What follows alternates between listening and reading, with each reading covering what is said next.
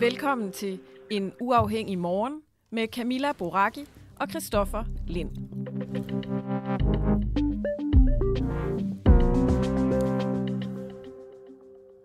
Imens vi, øh, vi lå og sov, der fortsatte de øh, russiske styrker med de nu ja, intensiverede angreb på Ukraines øh, to største byer, nemlig Kiev og Kharkiv. Og angrebene på Kiev, de foregik altså mest på, øh, på landjorden og begyndte for nogle øh, få timer siden, men altså Kiev står stadig. Så var der også en række større missilangreb på Kharkiv, som blev startet i går tidlig eftermiddag, og der meldes fortsat om, øh, om angreb. Tabstallene for de her første angreb, der fandt sted i går, de bliver selvfølgelig opdateret hele tiden, men lige nu er de på ni mennesker, hvoraf tre af dem er børn. Hvad der også skete i nat, det var, at øh, de russiske tanks de rykkede øh, nærmere mod Kiev, som russerne altså har, øh, har omringet. Og det her, Camilla, det er altså ret vildt. Det er en, bliver der meldt fra sådan et øh, satellitfoto, en 65 km lang konvoj af russiske øh, tanks, som er blevet spottet, altså er på vej med direkte kurs mod, øh, mod Kiev. Det, det kan man næsten ikke tro på, vel? Det er rigtig, rigtig langt. Ja. 65 kilometer. Det er, det, det er Reuters, der er kilden, og et satellitfoto, det lyder bare helt vildt. Men ja, det er det, der er status lige nu. Jeg kan også lige fortælle, at der er forlyden om, at øh, russiske styrker har beskudt et fødselshospital tæt på Kiev i landsbyen Busova. Og så er der også en øh, anden by, der er blevet omringet. Det er byen Kherson, øh, som er lidt af et nøglepunkt, fordi den ligger ved øh, Dibnerfloden, som er et øh, nøglepunkt, fordi de russiske styrker ønsker at forsere denne her flod. Og vi har jo fokus på øh, selvfølgelig de øh, store fortællinger fra, øh, fra krigen i øh, Ukraine her til morgen, og vi opdaterer også øh, løbende.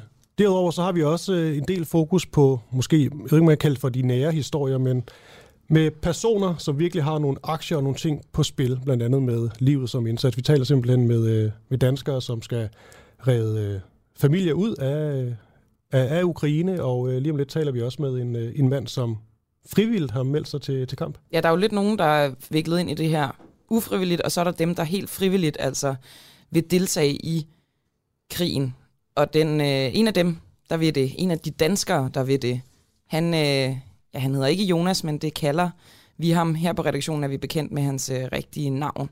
Og øh, Jonas er sammen med en gruppe andre danskere på vej til Ukraine, for simpelthen at bekæmpe russerne. Og øh, Jonas, hvad fik dig til at øh, melde dig, og godmorgen? Jamen, øh, godmorgen.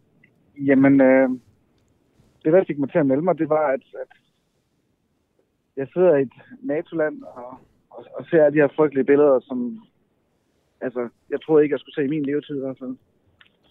Øhm, og, det, var, det, var faktisk, det var faktisk da jeg tænkte, at, at, at, at hvis jeg kunne få muligheden for at komme ned og med andre danskere, øhm, så var jeg klar til at betale en ultimativ pris.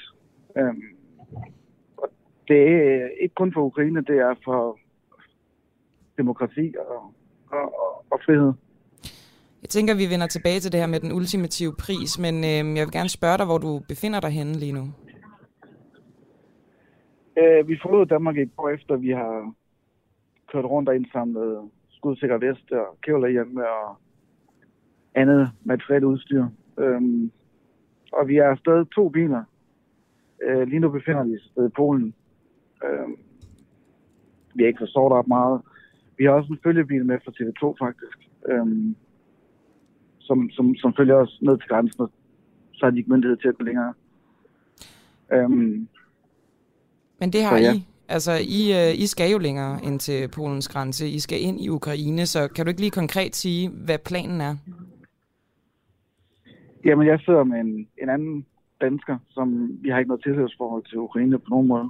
Øhm, og vi har sat os i bilen med dansk ukrainer, øhm, som skal ned til vores familie, øh, hver især, og, og, og beskytte dem. Øhm, og, og mig og den anden dansker, vi, vores plan er, at når vi kommer ned til grænsen, så øh, melder vi os jo selvfølgelig til den internationale fremmedlegion. Øhm, og håber, at, at, at, at de kan bruge os. Og, og altså, nu ved jeg jo ikke, hvor øh, bevendt du er med at betjene våben. Jeg har ikke noget, jeg har, jeg har ingen militær, militær erfaring overhovedet. Okay. Um, men men anden, hvad, hvad er planen? Skal I have det? Altså skal I, skal I øh, på et eller andet kursus, eller skal I direkte ind i kampene? Altså, min forventning er, at, at, at man kommer derned og får at vide, hvor man skal hen og hvor man skal melde sig, og så får du dit udstyr, din våben. Øh, jeg, jeg tror, man får en, en hurtig instruktion. Øh, altså, som du selv siger, så er der, er der, er der, er der meget voldsomme ting øh, øh, hovedstaden. Men Jonas, nu er det ikke for at negligere det, du, du har gang i, men er du ikke en lille smule bange for at gøre mere skade end gavn, hvis du ligesom kommer derned og så ikke kan betjene et våben? Altså, at dig og nogle af dine øh, ja, danske venner, så man kommer til at stå sådan lidt i vejen for dem, der har styr på det? Nej, det, det, det tror jeg ikke, fordi der er lige så mange øh, ukrainer dernede, der kæmper, der heller ikke har nogen våbenerfaring. Øh, jeg har selvfølgelig været i skytteklubber og sådan noget, som ung og, og, og sådan noget der. Øh, men, men, men det er også det. Jeg har aldrig nogensinde håndteret et, et, et gevær af, af samme styrke som en Kalashnikov overhovedet ikke. Mm. Men tror du virkelig på, at du kan gøre en forskel? Jeg tror, det at jeg står dernede og, og er iført et Dannebro øh, på det tøj, jeg, jeg når på, øh, måske gør, at de ukrainer, der er dernede, der kæmper en, en kamp, øh, ikke føler sig overset af, af, af Vesten. Og, fordi det gør de. Det er der ikke nogen tvivl om. Selvfølgelig føler de sig forladt. Øhm, og, ja. Nej, jeg bare høre, Jonas. Så, så selvfølgelig er jeg, Nej, bare, undskyld, selvfølgelig er jeg ikke nogen, selvfølgelig er jeg ikke nogen, jeg er ikke, jeg er ikke trænet soldat overhovedet, men altså, jeg er ret sikker på, at, at jeg kan gøre en forskel, og ham jeg er med, han, han har militær erfaring. Øhm, så vi skal nok komme igennem det. Hvor gammel er du egentlig, Jonas? Jeg er 27. Hvad synes din, øh, hvad synes din familie om det her? Jeg har efterladt en kæreste og tre børn. Du har efterladt en kæreste og tre børn? Hvordan vil du, eller hvordan har du forklaret det over for din, øh, din kæreste og ungerne? Jeg har ikke, jeg har ikke forklaret det over for ungerne. Øhm, min kæreste har jeg prøvet at forklare det så godt, så godt jeg kan. Hun forstår mig ikke. Øhm, jeg har skrevet, altså, da jeg tog afsted i går, der har jeg lagt brev, du ved, øh, et, et skjult sted, øh, som en kammerat har fået at vide, hvor jeg er, fordi hvis jeg skulle gå hen og, og ikke komme hjem igen, så har jeg skrevet med sidste vilje og skrevet, hvorfor jeg, jeg gør det. Okay, men hvis du ikke kommer hjem, hjem igen, så er, du, så er der også øh, tre unger, som, øh, som ikke har en far resten af, af livet. Jeg prøver bare stadigvæk at forstå, øh, Jonas, øh, alt dit mod til trods, hvad det er præcis, der gør, at du føler dig så kaldet til den her mission? Fordi at det, det, det er ligesom et angreb på os øh, i Europa, fordi det er et demokrati, øh, som er ved at blive styr, øh, styrtet af, af, af, af en diktator. Altså, i mine øjne er han en diktator, ikke? Øhm, og det er jo det er ikke kun Rusland, der, der, der er aggressoren, af, af, aggressorerne her. Det, det er jo også Hvide Rusland og Tjetjenien. Altså, øhm, jeg kan ikke bare sidde derhjemme og, og, og hjælpe med at samle tøj. Og, øhm, jeg synes, det er rigtig dejligt, alle, alle, alle dem, der hjælper med at sende tøj og, og hente flygtninge og sådan noget der. Men de har brug for, de har, de har brug for mænd. Øhm, Men er det også fordi, at du er bange for, er du bange for at det her det, øh, det eskalerer, at øh, Putin han vil fortsætte sine invasioner, og de til sidst vil nå til, øh, til Danmark? Ja, altså jeg, jeg synes, selvom det er altså, halvanden tusind kilometer, så synes jeg stadig ikke, det er min baghave. Øhm, og, og, og jeg kommer af en familie med, hvor, hvor hver generation har været, der har været militærfolk, og de har ikke kæmpet for alt det, de har kæmpet for. for at man bare skal stikke hovedet i jorden, som jeg synes, vi gør i, i hele Europa lige nu. Men ikke dig, Jonas. Du siger, du er parat til at betale den ultimative pris, og det oversat, det er vel, at du er parat til at dø og slå ihjel. Ja. Hvad sagde du altså helt konkret, ja. da du siger farvel til din kæreste? Hvad siger du til hende? Altså, det, der, der var mange diskussioner, der var faktisk mange, der, der var dårlig stemning i, i, de to dage inden, inden jeg tog afsted, ikke? Øhm, men til sidst der lærte hun, at hun måtte acceptere det valg, jeg traf. Øhm, så hvad siger man til sin kæreste, når man tager afsted for at dø? Potentielt. jeg siger til hende, at jeg skal nok komme hjem igen, ja. Øhm, men hun ved også godt, risikoen er der jo, altså for at man ikke kommer hjem igen. Øhm, altså, jeg prøver at forklare hende, at altså, det vil være værre for mig at blive såret dernede, og, eller få sprunget ben af, eller et eller andet. Altså, det vil være, være værre end at betale, betale med livet. Og hvor langt, øh, altså, hvor lang tid har du tænkt dig at blive der? Hvor lang tid kan du blive der? Hvor lang tid vil du blive der? Skulle krigen fortsætte? Min plan er at, at, at tage en uge, 14 dage, du ved, øh, også fordi jeg ikke har prøvet det før, øh, tage en uge, 14 dage og, og, og se, hvordan jeg har det. Altså, det kan også være, at jeg har brug for lige at komme hjem og se min familie, og så tage afsted igen. Øhm, som det er ikke dansker, sådan, som sådan heldigvis... nemt at, at komme ind og ud på den måde? Øh, som, jo, når, når du har det europæiske pas, så kan du til hver tid sige, nu har du brug for at komme hjem øh, og, og komme op til grænsen. Selvfølgelig kommer det til at tage halvanden døgn, to dage for mig at komme fra altså, hovedstaden og hjem igen. Fordi jeg har ikke nogen, der står og venter på grænsen på, at jeg øh, kan komme fra Polen af til Danmark. Men, men det er ingen bekymringer for mig lige nu. Lige nu har jeg brug for at komme ned og gøre en forskel. Og det er du altså på vej til. Øh, tusind tak, fordi du vil være med til at fortælle, og vi kommer nok til at høre fra dig igen senere. Held og lykke. Tak for det.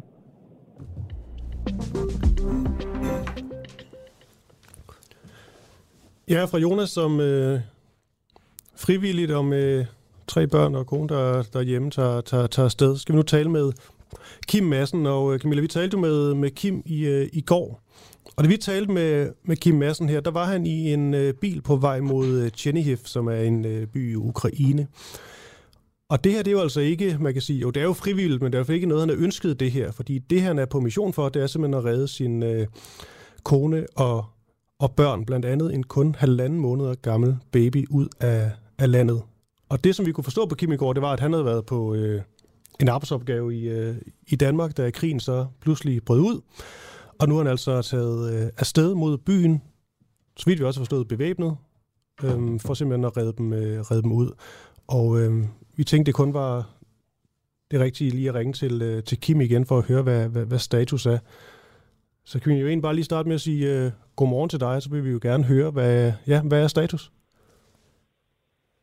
Det er, at vi øh, er elever, vi, øh, vi er samles til at skal til at tage afsted. Altså lige nu her, eller hvad, hvad er planen? Ja. Kim, i går der sagde du, at det ikke var muligt at, øh, at komme ind. Er, det, er der noget, der har ændret sig? Der er lidt, der har ændret sig. Hvilket? Og det er, at vi, det er, at vi står fast på, at nu, øh, nu tager vi chancen. Når du siger, tag chancen, vil du så prøve at sætte nogle, øh, nogle flere ord på den situation, du står i? situationen den er blevet forværret i Tjernikov siden i går. Og det er, at de, øh, de her russer er begyndt at skyde mod civile boligblok. Og en af de boligblok, der blev ramt, det er boligblokken ved siden af, hvor at min hustru ser ned i, mm. i kælderen med, med børnene. Okay derfor så er vi blevet enige om her tidligt i morges, at, at nu, øh, nu tager vi afsted. Hvornår har du sidst øh, talt med din øh, hustru? For en halv time siden. Og hvad sagde hun? At øh, hendes datter, som jeg har taget til mig, hun ligger på gulvet og ryster i chok. Og øh, er panisk. Og min lille datter på halvanden måned, hun, øh, hun sover ikke ret meget. Har de, øh, har de, hvad de skal bruge af, øh, ja, blier og, og mad og så videre? Ja, ja, det har de. Mm. Nu kan jeg så høre på dig, at det, øh, det er kommet frem til, det, at I vil gerne rykke, rykke hurtigt. Det skal, det skal til at ske nu. Hvad er det sådan helt konkret I så kommer til at gøre? Det er, at vi skal op, og så skal vi op og, og få min hustru, min familie ud derfra. Og så kører vi igen. Ja. Hun har pakket det fornødende tøj. Hvor tæt er du på dem lige nu? Hvad siger du?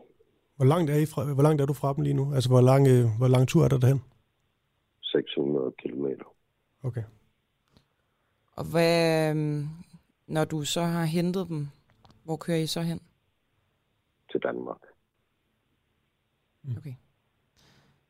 Er du... Øh, jeg, jeg, jeg får egentlig bare lyst til at spørge dig om, hvordan du har det lige nu. Jeg er færdig med situationen. Og kommer det til det punkt, hvor vi bliver nødt til at bruge våben, så gør vi det. Jeg synes, det er rystende, at man skal høre, at de drejer på civile mennesker og prøver på at skade civile mennesker. Mm. Hvor, fordi sidst vi talte med dig, der havde du også nogen, var det sådan en følgebil eller, eller noget, nogen sådan lidt med dig. Altså, jeg prøver bare at forstå, hvor, hvor, hvor alene er du, hvor mange har du med dig i forhold til, hvis det nu kommer til, øh, til en til artilkamp? 12 mennesker. Vi har samlet en bil mere. Har du kamperfaring, Kim? Ja. Hvorfra? Fra militæret i mine yngre dage. Nu kan det godt være, Kim, jeg, øh, jeg kommer til at spørge lidt, øh, lidt dumt her, men er der nogen mulighed for sådan at, på trods selvom det er krig, at tale med nogen? Altså fortælle om din situation, at det du bare vil, det er at redde din kone og to børn ud, og så komme væk fra landet og til Danmark? Ja, det er det. Fordi jeg øh, er i kontakt med, med en, der her Jakob Nielsen, som bor i Tyskland, og som har, som har været udsendt soldat fra Danmark. Og han øh, også ved at samle et team i Tyskland. Og vil tage afsted fra Tyskland i, i dag. Okay. Men tror du også på, at der er nogen mulighed for at tale med øh, eksempelvis russiske soldater om, øh, om de situation? Jeg skal ikke tale med russiske soldater Nej. overhovedet. I mit hoved så er de unormale. Mm. Så er de ikke normale, når de går ind og beskyer civile boligblok. Det her med, Og at det, de... taget, så, I det hele taget, så synes jeg ikke, de er normale oven i hovedet, når de alle giver en ordre til, at bare skal gå ind og invadere et land. Mm. De her beretninger om, at de beskyder civile, er det, øh, er det din hustru, der fortæller det?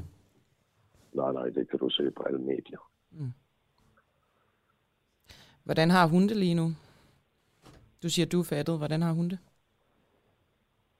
Hun har det jo ikke godt, hun ser dernede sammen med to børn. Det har hun gjort i, ja, det må være et andet døgn, hun sidder dernede nu. Mm. Uden at være i lejligheden. Giv mig noget overblik over, hvis vi nu siger, at øh, krydser fingre, alt det her, håber alt går, øh, går godt. Hvor hurtigt det, det kan gå? Altså, hvornår vil du kunne være ude med din, øh, din kone og børn? For lad os nu bare lige øh, antage, at det sker. Fire-fem dage. Og det er altså i dag, øh, I begynder at køre de 600 kilometer for at Ja. øh, komme ind og hente din kone og øh, jeres, øh, jeres to børn. Ja. Kim, øh, jeg tænker bare, at vi siger held og lykke. Det virker jo øh, enormt vagt, men, øh, men ikke desto mindre, så ønsker vi dig rigtig meget held og lykke med det her. Jo, tak. Men må jeg lige faktisk give mig undskyld, jeg vil stille et sidste spørgsmål. Det er bare, når I så sådan kommer, og I måske får at vide, at I ikke kan komme ind. Altså, er planen så simpelthen bare at trykke på, øh, på speederen? Hvis det bliver nødvendigt, så gør vi det. Okay. Jamen, jeg tror ikke, det var det. Tusind tak for, at du vil være, være med, Kim, ved at øh, det er en presset situation for dig. Øhm, held og lykke, ja.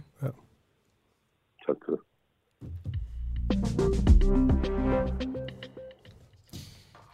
Det er jo ikke fordi, at, øh, at det overhovedet skal handle om os to, der sidder her i et øh, varmt radiostudie, men det, det er svært at dække det her, synes jeg. Altså uden at blive, blive påvirket, når man taler med sådan en som Kim, som har en datter på halvanden måned, som sidder fanget i en kælder sammen med hans hustru og hendes barn. Ja som, øh, som man simpelthen på egen hånd vil, vil redde ud.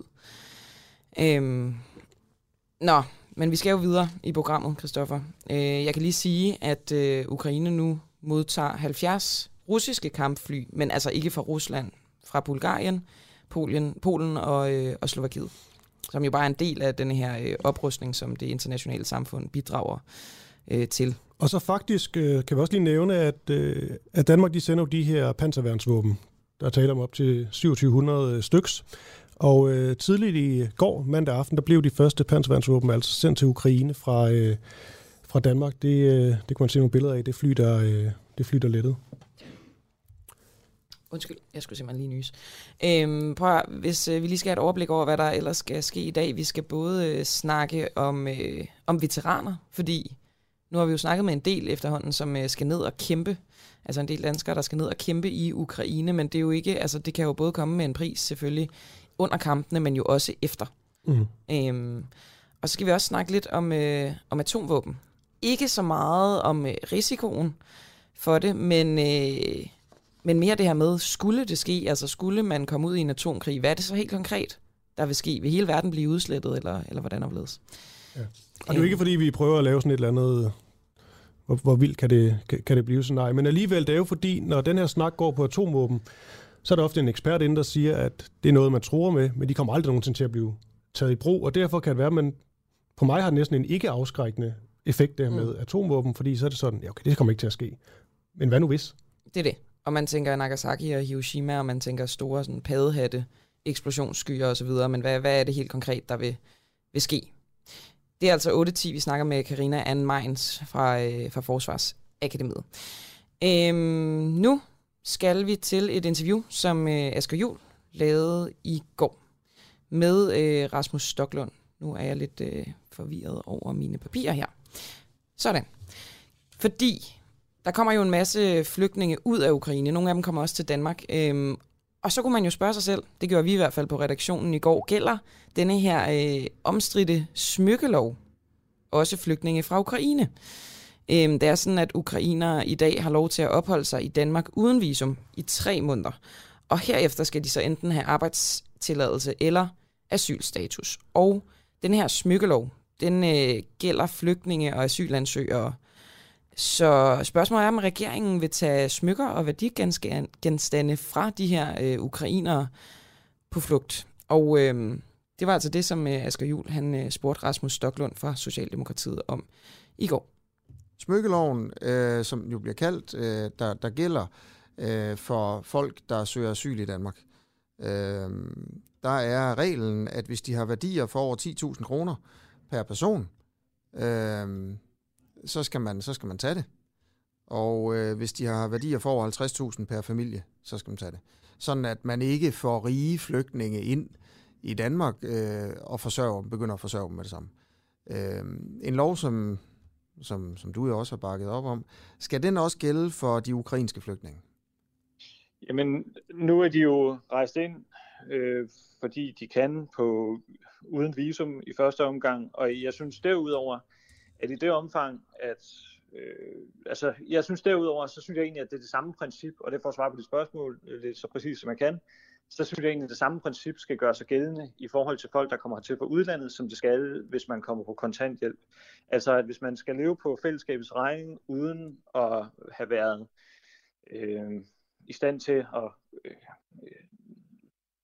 øh, hvad skal man sige, kunne klare sig selv, så skal man bidrage med det, man kan. Og så er det klart, at hvis man så øh, kommer med en stor formue, så i stedet for, at, at man skal til at have udbetalt overførselsindkomster, så er det selvfølgelig oplagt, at man klarer sig selv. Det er ikke min fornemmelse, at der vil komme ret mange ukrainer med meget store formuer, og derfor så er jeg ikke sikker på, at det er særlig relevant. Nej, men det kan du jo selvfølgelig ikke vide. Øhm, øh, så hvis jeg spørger dig helt øh, fuldstændig klart her, skal smykkeloven gælde for de ukrainere, der beder om asyl i Danmark? Men det ved jeg ikke. Jeg ved ikke jeg kan faktisk ikke lige helt huske, hvordan den er strikket sammen, og hvilke forskel der er på, hvad ens opholdsgrundlag er. Fordi der er jo det særlige ved Ukraine, at de kan rejse ind. Jeg, jeg siger dem, der beder om asyl. Jeg, jeg formulerer faktisk ja, spørgsmålet men, fuldstændig ja, præcist og siger, den gælder jo for alle andre i hele verden, der vil søge asyl i Danmark. Så skal den også, skal smykkeloven gælde for ukrainere, der søger asyl? Jamen det må vi jo se på. Det er jeg i tvivl om. Jeg er i tvivl om, om Hvad om synes det er du? rigtigt, man, Jamen, Hvad er din holdning synes, til det? Ja, ja, min holdning er, at hvis man har en formue og kan klare sig selv, skal man gøre det. Men det er jo sådan også mit indtryk, at ukrainerne gør det, eftersom at de tager hjem og bliver indlogeret hos venner og familie. Du siger også Så- selv, at der er nogen, allerede nogen, der har søgt asyl. Ja, Ja, vi forventer jeg er selvfølgelig, at der kommer mange flere. Jeg er stadigvæk i tvivl om rent juridisk, hvad det betyder, at de kan rejse ind uden Ja. et visum, om, om hvad det betyder for deres opholdsgrundlag. Det er faktisk Ja. ikke øh, Men- skarpt, nej, så jeg men- må være der lidt Men skyldig. dem, der hvad- søger asyl, Ja. skal smykkeloven også gælde for dem? De ukrainere. Jeg kommer, det ikke, jeg kommer det ikke nærmere end at sige, at jeg synes princippet om, at hvis man har en formue, så skal man øh, forsørge sig selv. Det princip, som ligger i smykkeloven, og som ligger i vores kontanthjælpslovgivning og, og så videre, Ja. det synes jeg er et godt princip, men jeg kommer det ikke nærmere nu. Men du kan jo, jeg, jeg forstår ikke helt, hvad... Fordi svaret er jo helt Men åbenlyst. nu har jeg øh, prøvet at hvis, svare dig det, jeg vil svare på det spørgsmål, og jeg kommer det ikke nærmere nu. hvis jeg stiller dig øh, spørgsmålet om syre. Syre, der, der søger asyl i Danmark, skal, skal smykkeloven gælde for dem. Jamen, der synes jeg, det samme princip gælder, at en formue, så er det samme, som hvis man kommer øh, og vil være en del af kontanthjælpssystemet, Mm, du- så skal man bidrage med det, man kan Men- Men, selv først. Den, okay. Ja, det er jo absurd, fordi den gælder jo for dem. Altså, jeg går ud fra, at du mener, at smykkeloven skal gælde for, Jo, jo, for men syre. jeg- Men hvor, Det er også til dig, at jeg er i tvivl om, hvordan det rent juridisk er med ens opholdsgrundlag. Altså, at syre, de kommer jo ikke og kan rejse ind uden visum, og det kan øh, Ja. Ukraine, og jeg ved ikke rigtigt, hvad det betyder sådan rent okay, juridisk. så for du, du kan ikke svare på, om du mener, at smykkeloven skal gælde for ukrainere, der søger asyl. Ikke der rejser ind øh, uden Jamen, at søge asyl. ikke har jeg svaret dig det, vil Nej. det spørgsmål. Nej. Hvorfor er det, du ikke svarer klart på det? Jamen, øh, jeg har øh, givet udtryk for, at jeg er i tvivl om nogle af de juridiske aspekter der. Jeg kommer ikke til at svare nærmere på det her, end det jeg har gjort nu. Altså en Stoklund, der ikke vil svare klart. Øh, fordi, siger han, at han ikke helt er klar over det rent juridisk, men øh, smykkeloven er jo sådan, at den, den gælder simpelthen for, øh, for flygtninge, der søger asyl, og sådan vil det jo være for nogle af ukrainerne. Det kan være, at øh, vi skal bede Rasmus Stoklund om at læse op på det juridiske, og så ringe til ham igen. Så kan det være, at han har fået en, øh, en holdning. Ja, klokken den er blevet 7.27. Du lytter til en øh, uafhængig morgen. Jeg kan sige, at øh, lidt senere i udsendelsen, der skal vi høre fra en øh, dansker, der lige nu er i Polen, og måske ser sig nødsaget til at bevæbne sig og tage til Ukraine på egen hånd for at redde sin, øh, sin familie. En historie lidt mindre den, vi havde med, med Kim Madsen, som, øh, som lige nu er på vej til, øh, til, til Ukraine for at ja, også redde sin, øh, ja, sin kone og to børn ud derfra. Og det er jo også de historier, vi fokuserer ret meget på, de her de nære fortællinger, men også med danskere, der virkelig har øh, noget på spil i den her konflikt. Og det er altså øh, måske klokken 8.30 deromkring i hvert fald. Øhm, hvis du synes, det er god radio, du lytter til her til morgen, eller hvornår du lytter med på podcast, og hvis du ikke allerede er medlem af Den Uafhængige, så øh, må vi jo sige, at vi rigtig meget håber, at du vil være det, både fordi vi rigtig godt kan lide at lave det her. Det er medlemmerne, der betaler vores løn, og det er det, der ligesom gør, at vi kan stykke morgenradio og alt muligt andet sammen hver eneste dag. Øh, vi er jo den eneste taleradio i Danmark, som ikke modtager en eneste offentlig krone, og det er altså takket være jer, altså vores knap 4.000 medlemmer, at vi kan sende det her, som du hører lige nu. Og for nylig, der har vi lanceret tre nye programmer, som kun er for medlemmer. Så øh, på den måde er det jo endnu mere attraktivt at blive en del af den uafhængige. Øhm, det koster 59 kroner om måneden, eller 499 kroner for et års medlemskab, og du finder os via Apple Podcast.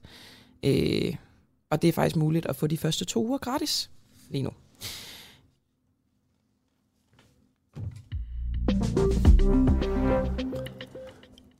Hvad skal man egentlig tænke over, hvis man vil i krig i Ukraine? Det er jo noget, vi sætter fokus på. Vi talte med øh, Jonas her til at starte med i, øh, i dagens program, som er, er på vej. 27 år gammel. Ikke rigtig nogen øh, reel våbenerfaring, men altså klar til at tage til Ukraine for at slås. I går der talte vi med øh, Storm, heller ikke den store våbenerfaring, men han er også på vej til at, til at kæmpe. Men øhm, det her, det kan jo både sætte... Øh, ja, selvfølgelig kan der være nogle, øh, nogle fysiske ting. Du kan jo selvfølgelig også øh, dø i værste konsekvens. Men der er også det fuldstændig voldsomme psykiske aspekt ved sådan en, øh, det at opleve krig, PTSD og så videre. Og nu taler vi med Niels Hartvig Andersen. Han er landsformand for Danmarks øh, veteraner. Han er selv tidligere oberst, og så har han altså været i dansk militær i, øh, i 40 år. Og Niels, øh, de her danskere, vi har talt med, Storm og Jonas, Hvad vil du sige til dem, nu hvor de tager, øh, tager afsted? Og godmorgen til dig. Ja, godmorgen. Øh, jamen, og tak fordi jeg må lige være med. Øh, jeg vil sige, det er jo en kæmpe stor beslutning, øh, og nu kan jeg jo forstå, at øh, de ikke har været soldater før med uddannelse mm. og erfaring med at have været udsendt. Øh, det er jo en ultimativ beslutning, som øh, man, man der tager, og der vil jeg jo mane til, det er også nemt at sidde her i Næstved øh, med morgenkaffen og mane til... Øh, til besindighed. Øh, mit bedste råd og er det jo her med at lade være med at tage afsted med hovedet under arm. og Det kan jeg så forstå, at der er nogen, der allerede er taget afsted. Øh, så, så den beslutning er taget, øh, og, og jeg har respekt for det. Øh, men ellers så vil jeg jo foreslå, at man øh, måske bruger en, bare en time, og så hurtigt behøves det jo ikke at gå, synes jeg. Men øh, når man brænder for en sag, så alligevel sætte sig ned med nogle gode venner, måske nogen, der har været sted som veteraner, eller i hvert fald med familien, og så få snakket igennem og sige, øh, det er jo ikke således, at når man tager i krig, øh, det her med, at det er altid mænd ved siden af, der dør, det kan også ske for en selv. Så derfor gælder det om at få lavet et testamente. Det har alle dem, der har været udsendt. Tidligere, det har vi prøvet, så vi ved mm. godt, det, det er, der, der kan man godt trække nogle tårer, men, men det er virkelig vigtigt, at øh, især de efterladte, at, at man ikke ligesom, øh, man går ned og redder nogen, men så efterlader man nogen, i, øh, i sorg ulykke øh, og økonomisk ruin, øh, hvis så frem i fald man enten bliver slået ihjel, eller man bliver såret. Så et testamente, det er en god ting, og forsikring, øh, og så øh, bør man nok, eller det bør man gøre, øh, tilmelde sig Udenrigsministeriets danske liste, øh, således at øh, Danmark lige ved, at øh, der er en dansker nede i Ukraine. Øh, og så skal man aftale med, hvordan man holder kontakt med, med hvem, øh, og, øh, hvordan man gør det, hvor tit man gør det. Og så er det en rigtig god ting at tage sit eget udrustning med. Øh, jeg kunne måske forestå, hvis man ikke har kamperfaring, at man øh, stopper ved grænsen, og så måske hjælper øh, humanitært øh, med, med, hvad hedder det, med at hjælpe flygtninge osv. Øh, det er i hvert fald vigtigt, når man kommer ned, at man så bliver afmærket på en eller anden måde, får en uniform, eller jeg kan se, at nu har man et, et, et armbånd på, fordi hvis man ikke bliver det og, og registreret af, af af ukrainerne, så er man det, der hedder non-kombatant, og det vil sige, at, at folkeretten og Genève-konventionen ikke gælder. Og det vil sige, at øh, der er ingen øh, regler for, hvordan krigen skal køre øh, som syg, såret eller død eller som krigsfange. Og det vil sige, at øh, modstanderne her i russerne, de vil egentlig kunne skyde øh, øh, vedkommende som øh, terrorist eller spion, og det er der ikke nogen, der har glæde af. Så, øh, så der, er, der er nogle muligheder, der man lige skal tænke over. Okay, Jonas her vi talt med uh, tidligere i dag. Uh, han har fået skrevet sit uh, testamente. Han tager også afsted blandt andet med en, som har... Uh, som er militærkyndig, som, uh, som, som kan hjælpe ham. Så han er vel et, uh, et stykke af vejen. Hvad er det ja. dog mere sådan en som uh, Jonas, som er en 27-årig? Helt almindelig fyr, altså, vil, han, skal, ja. han skal tænke over. Altså, han skal virkelig tænke over, om, om det her det er noget, øh, altså om, om om han vil sætte sit liv på spil for det. Det er jo ikke kun, øh, når man kommer i en krig som uuddannet, så, så påfører man jo sine omgivelser en, en, en forpligtelse om, at de skal bruge noget tid på at få ham uddannet med våben, øh, og hvordan man kæmper, og hvordan man især man overlever. Og den, øh, hvad kan man sige, øh, den udfordring, den, der tager man jo, hvad kan man sige, kampkraften fra, fra de ukrainere, som er kommet for at kæmpe. De bliver jo nødt, i stedet for at kæmpe, skal de til at uddanne en, øh, en, altså en dansk soldat, som gerne vil det her.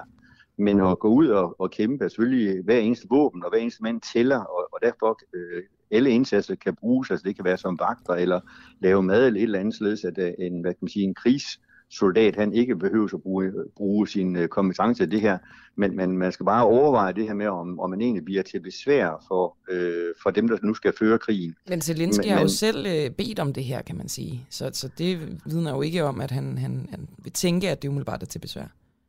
Nej, nej, men jeg, jeg, jeg tænker bare på, at øh, når man kommer ned og stiller sig, og, og så siger man, jeg vil gerne kæmpe, og så øh, kan nogen jo kigge, og så siger og hvordan vil du så gøre det? Øh, giv mig et våben. Hvordan, hvordan skal et våben bruges? Altså, hvis der er, man ikke bliver udlært i at bruge våben, så er man jo ikke bare til fare for fjenden, men det kan man jo også være både for sig selv og især sine omgivelser. Øh, så, så der er sådan nogle ting, man, man også skal være klar ydmyg til at sige, jeg kommer ned, og jeg stiller mig til rådighed, øh, fortæl mig, hvordan jeg skal gøre. Øh, og, og så få det bedste ud af det, og så høre efter, hvad der bliver sagt, fordi øh, jeg har været med ukrainske soldater i Irak, de er super, super dygtige, øh, og der, der skal man altså så, hvad kan man sige, sige jeg, jeg hører efter, hvad der bliver sagt, og stiller ingen spørgsmål, øh, og, og så kan man hurtigt komme i gang, men, men at, at lære at gå i krig, det er ikke noget, man gør på, på to dage. Det, det er det altså absolut ikke, nej, så jeg, jeg, er kun, jeg er kun frarådet det. Og noget andet, man jo heller ikke lige lærer på to dage, det er, hvordan man ligesom øh, forholder sig til krigen, og hvordan man reagerer rent øh, følelsesmæssigt og psykisk øh, ja. efterfølgende. Det har været et øh, kæmpe problem gennem hele krigshistorien. Det var først senere, man dog begyndte at rigtig sætte fokus på det. Altså det her med PTSD ja. øh, eksempelvis. Og det er jo så også en, øh, og det er jo det, er det her med at sige, alle de der ting, der taler imod, at man tager med, og jeg har stor respekt for, når man tager afsted, øh, når man brænder for en sag, og, og, og, og, og sådan er det. Men øh, når man ser, øh, hvad skal man sige, ting og sager, som man ikke burde se øh, som almindelige øh, menneske, altså død og ødelæggelse, øh, civile og altså med hele taget krigens ødelæggelse, når, når det ryger ind på skærmen, så skal man bare være opmærksom på, at når man kommer hjem igen, så, så når man ikke er blevet udsendt af den danske stat, så er det jo ikke således, at, at forsvaret, som den kæmpe organisation, den er, og den er blevet rigtig god til at tage sig af sine øh, veteraner, når de kommer hjem fra en udsendelse. Det, hele det apparat, det står ikke øh, til rådighed for, øh, når man selv er taget afsted. Der er man en almindelig mm. borger, der går ind i det, altså det kommunale øh, system, øh, og det er også forholdsvis godt, men, men hele det, øh, hvor man nu snakker med veteranerne, jamen der kan I få psykologsamtaler, I kan få... Så, så der er en masse hjælp, som... Øh en masse som, hjælp, som, som øh, veteraner kan få, som øh, Storm og Jonas her ja. ikke får. Lige, lige præcis. Altså, jeg kan også sige, at altså, veteran, altså, der er jo rigtig mange også øh, organisationer, som hjælper veteranerne, men det kræver, at man kan hvad skal man sige, bevise, at man har et veterankort, og det vil man formentlig ikke få. Altså, jeg ved jo også, at der er en veteranforening i Ukraine, men, men den er jo slet ikke på højde med, med, med, med det danske forhold, og heller ikke det sociale netværk. Det, det findes slet ikke i, i, i Ukraine. Så, så der, der er virkelig noget, man skal tænke over der. Men igen, altså, hvis man har taget beslutningen, så, ja, så er der kun en vej, og det er frem efter. Men sig mig lige engang, øh, Nils Hartvig Andersen, altså landsformand i Danmarks Veteraner. Hvis så øh, Storm eller Jonas her, de krydser den danske grænse efter at have været i, i åben kamp i Ukraine, hvad er det første, de skal gøre for at være sådan præventiv i forhold til deres øh, mentale helbred? Skal de direkte til krisepsykolog? Øh, altså, der er mange ting, øh, som, øh, hvor man siger, hvis man har oplevet noget, som man, hvad kan sige, øh, man, jeg vil ikke sige, tager skade på. Der er jo ikke nogen, der ved, øh, om, om, om man reagerer på det her, for eksempel med PTSD, øh, rent psykisk. Øh, men der er ingen tvivl om, at ligesom øh, man øh, i forsvaret i dag, der skal man, alle skal ind omkring en psykolog. Så jeg kan kun opfordre til, at man, øh, når man kommer hjem, øh, forhåbentlig med alle liv og lemmer i intakt, så tager man fat i en psykolog for, for at starte sådan et forløb op, således at, at, at man, man tager det i opløbet. Øh, og der vil psykologerne, i hvert fald øh, det er det, som øh, forsvarspsykologer de kan, de kan i hvert fald sige med det samme, okay, det ser ikke, vi, vi kan vurdere, om, om der, der er nogle tegn på, at, øh, at man har taget skade, og så følge den op hver halve år, indtil så man siger, okay, der er ikke noget. Øh, fordi, og ens kammerater kan også se nogle signaler.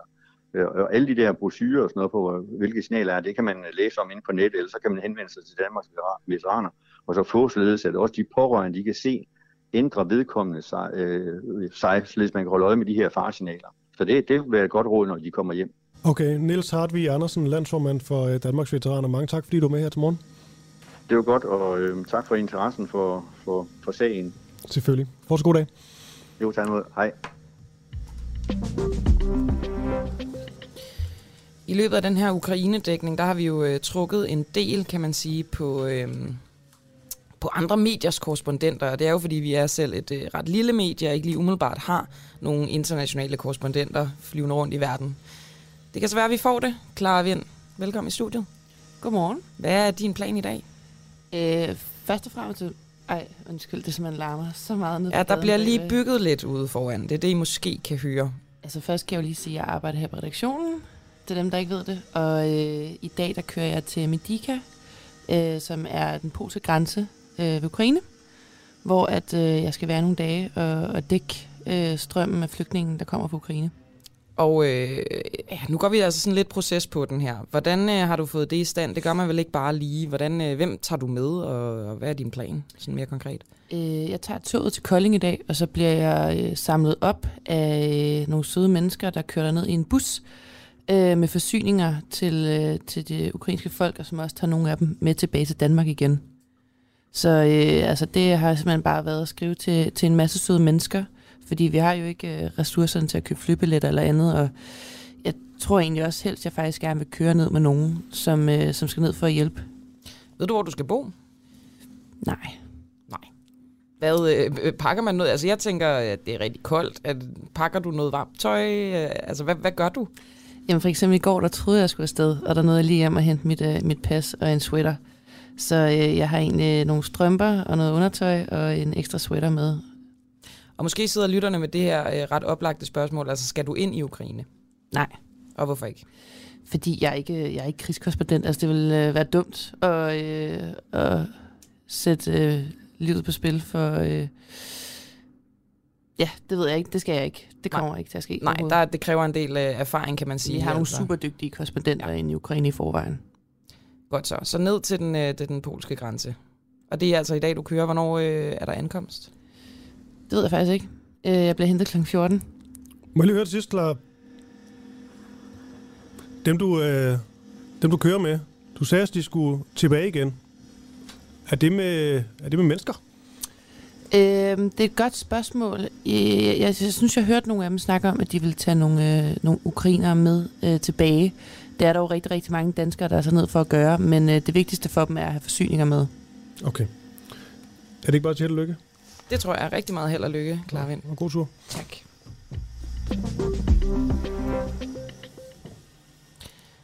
Ja, det er altså lidt nogle øh, forstyrrende lyde, det skal vi selvfølgelig beklage ganske meget. Men man kan ikke rigtig styre sådan nogle offentlige byggerier, Christoffer. Jeg ved ikke, kan lytterne høre det? Det kan man jo øh, melde ind. Jeg ved det ikke. Jeg håber det ikke. Jeg håber det ikke. Det, det er meget forstyrrende for mig i hvert fald, kan man sige. Nå, nu skal vi øh, kigge lidt mere på, øh, på ligesom det, det økonomiske aspekt af, af denne her krig, fordi rublen den er styrt dykket i værdi. Rusland bliver øh, rimelig skarpt sanktioneret fra alle mulige sider, og øh, så, så er spørgsmålet jo, om øh, den russiske økonomi i virkeligheden kan ende med et kollaps. Øhm, rublen den faldt natten til øh, i går med op mod 40 procent i forhold til, øh, til dollaren, og nu har den russiske, russiske centralbank altså også hævet den øh, ledende rente fra 9,5 procent til hele 20 procent i et forsøg på at holde øh, inflationen i ro. Lars Christensen, du er øh, økohæng, ø- uafhængig økonom og øh, tidligere embedsmand og bankøkonom. Hvor slemt ser det ud lige nu for den øh, russiske økonomi, og godmorgen til dig. Godmorgen. Jamen altså, øh, det, ser, øh, det ser rigtig slemt ud. Øh, det her svarer jo til i meget, meget høj grad at hive alt luften ud af økonomien. Både det, vi ser i forhold til det såkaldte SWIFT-betalingssystem, som i virkeligheden umuliggør betalinger ind og ud af Rusland. Så det gør det meget svært at købe og sælge varer i Rusland. Men ikke når det øh. kommer, det gælder vel ikke altså, eksport af gas og olie, så vidt jeg har forstået? Nej, men det gælder stort set alt andet, og det indebærer, at det omfatter de fleste russiske banker. Det betyder jo i praksis, at Rusland jo for eksempel har svært ved at importere teknologi og andet biler og, og så videre fra udlandet af. Øhm, og det andet er jo så, at øh, man har lagt sanktioner på den russiske nationalbank, eller centralbanken, og det indebærer, at i princippet ud af de 650 milliarder dollars valutareserve, som Rusland har, så øh, den del, der er i såkaldt vestlige valutaer, dollar, euro, schweizerfranc og andet, øh, det er cirka 400 milliarder dollars. Dem har man ikke mulighed for at bruge af mere. Øh, så, så man har slået et meget, meget stort hul i pengekassen, og øh, import og eksport besværliggøres i meget, meget høj grad. Og øh, det indebærer jo altså også, at øh, det russiske banksystem fryser meget kraftigt til. Vi har jo set øh, de sidste, i går var det russiske aktiemarked ikke åbent. Øh, vi ser de russiske aktier, som handles uden for Rusland, primært i London, de, øh, de, de kollapser fuldstændig. Og så ser vi jo altså sådan meget øh, håndgribeligt, at russerne tager penge ud af banken. Øh, der er kø ved, ved, ved, ved pengeautomaterne. Jeg talte med øh, en bekendt i Moskva i, øh, i weekenden, som sagde, at øh, øh, mange pengeautomater simpelthen var tomme, øh, og der ikke var penge at tage ud af. Og hvad, så, kan, så hvad kan det betyde, når, når almindelige mennesker de ligesom hiver deres øh, penge ud af bankerne? Jamen, altså, du kan sige, at øh, penge er jo, skal vi sige, det blod, der løber igennem økonomien, og øh, når det fryser til, så bliver det svært at lave transaktioner, lave handel, lave noget som helst. Øh, vi kender jo alle sammen kan jo alle sammen huske øh, 11. marts 2020, da toiletpapiret forsvandt. Og øh, det er jo sådan en øh, gang øh, 500. Øh, tingene forsvinder simpelthen bare. Øh, nu kommer der ikke ret mange varer ind i Rusland. Øh, varerne kommer til at stige markant i pris.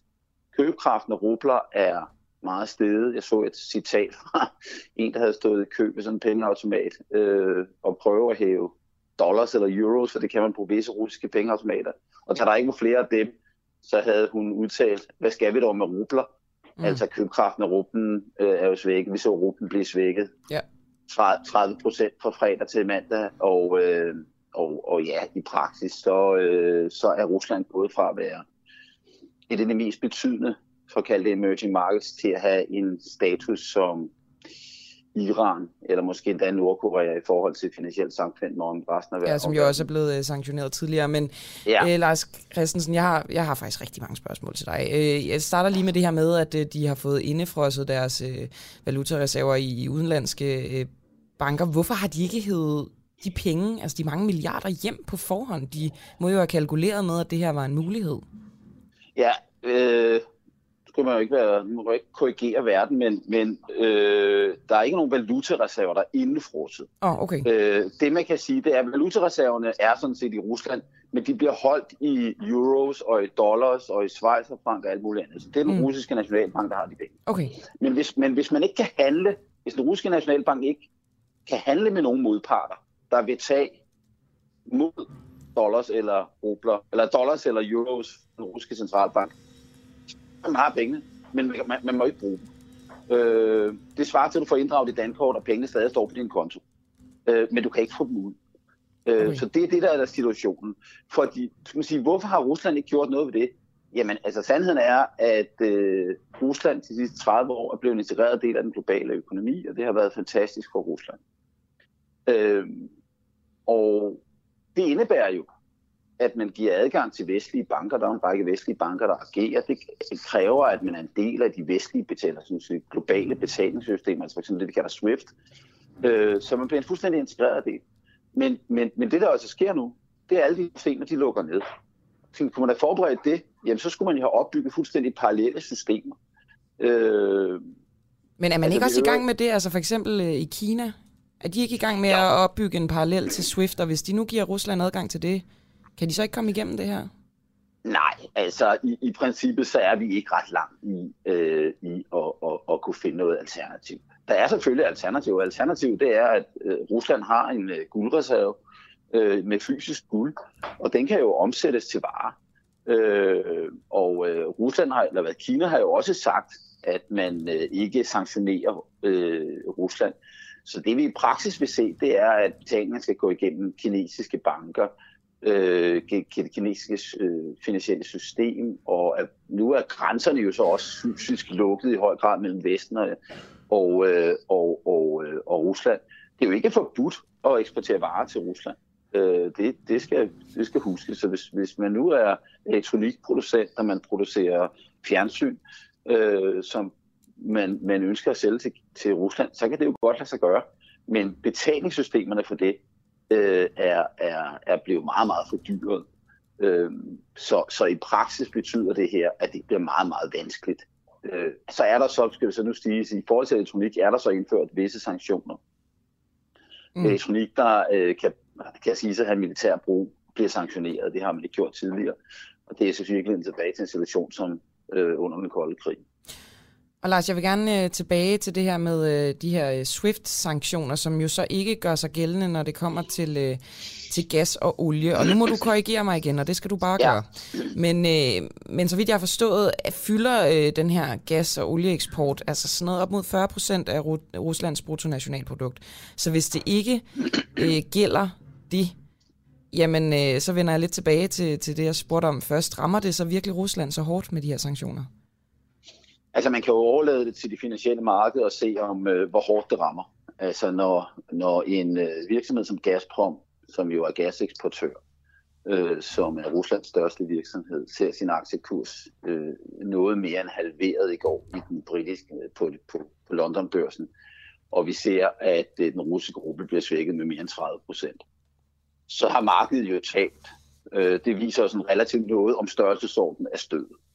Øh, men i forhold til øh, gassen, så kan man jo sige, at øh, de vestlige sanktioner, der er indført i forhold til Rusland, er skal vi sige, kalibreret på en sådan måde at gøre størst mulig skade øh, på russisk økonomi og på de russiske magthavere, men mindst mulig skade på den vestlige økonomi.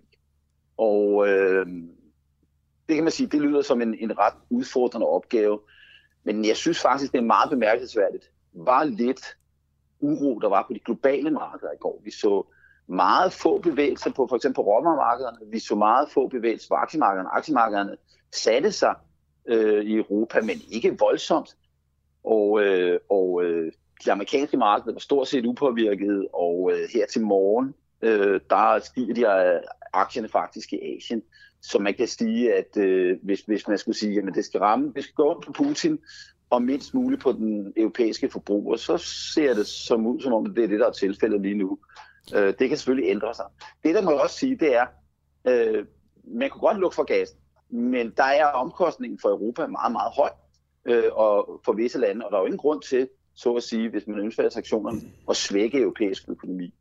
Øh, øh, russisk økonomi bløder meget, meget voldsomt nu, og ja, der kan godt eksporteres gas, men det er sådan set det eneste, der kan eksporteres.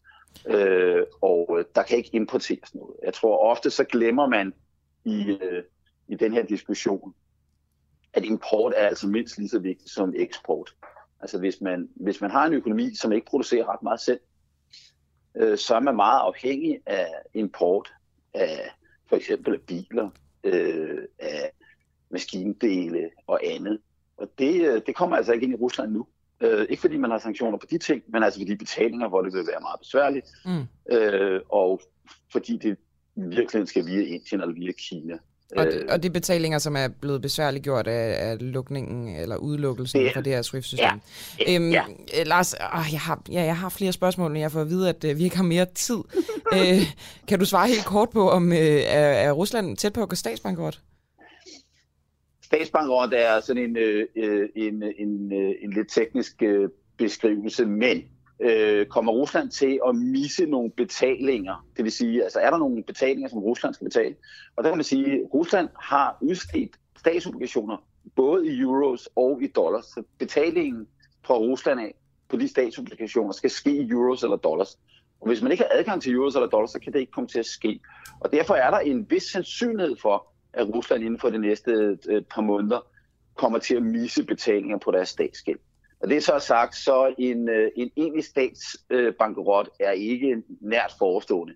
Men, øh, men, men, men det, der så modsat kommer til at ske, det er jo, at man finansierer de indlandske udgifter ved at lade sædelpressen trykke. Så enten er det statsbankerot eller meget høj inflation. inflation ja. så det er det, der kommer til at være tilfældet. Vi kommer meget snart til at have 50-60 procents inflation i Rusland. Ultrakort, kan russerne handle igennem Belarus? Øh, alt tyder på, at Belarus kommer til at blive omfattet af præcis de samme sanktioner inden for relativt få dage. Det øh, kunne man godt forestille sig.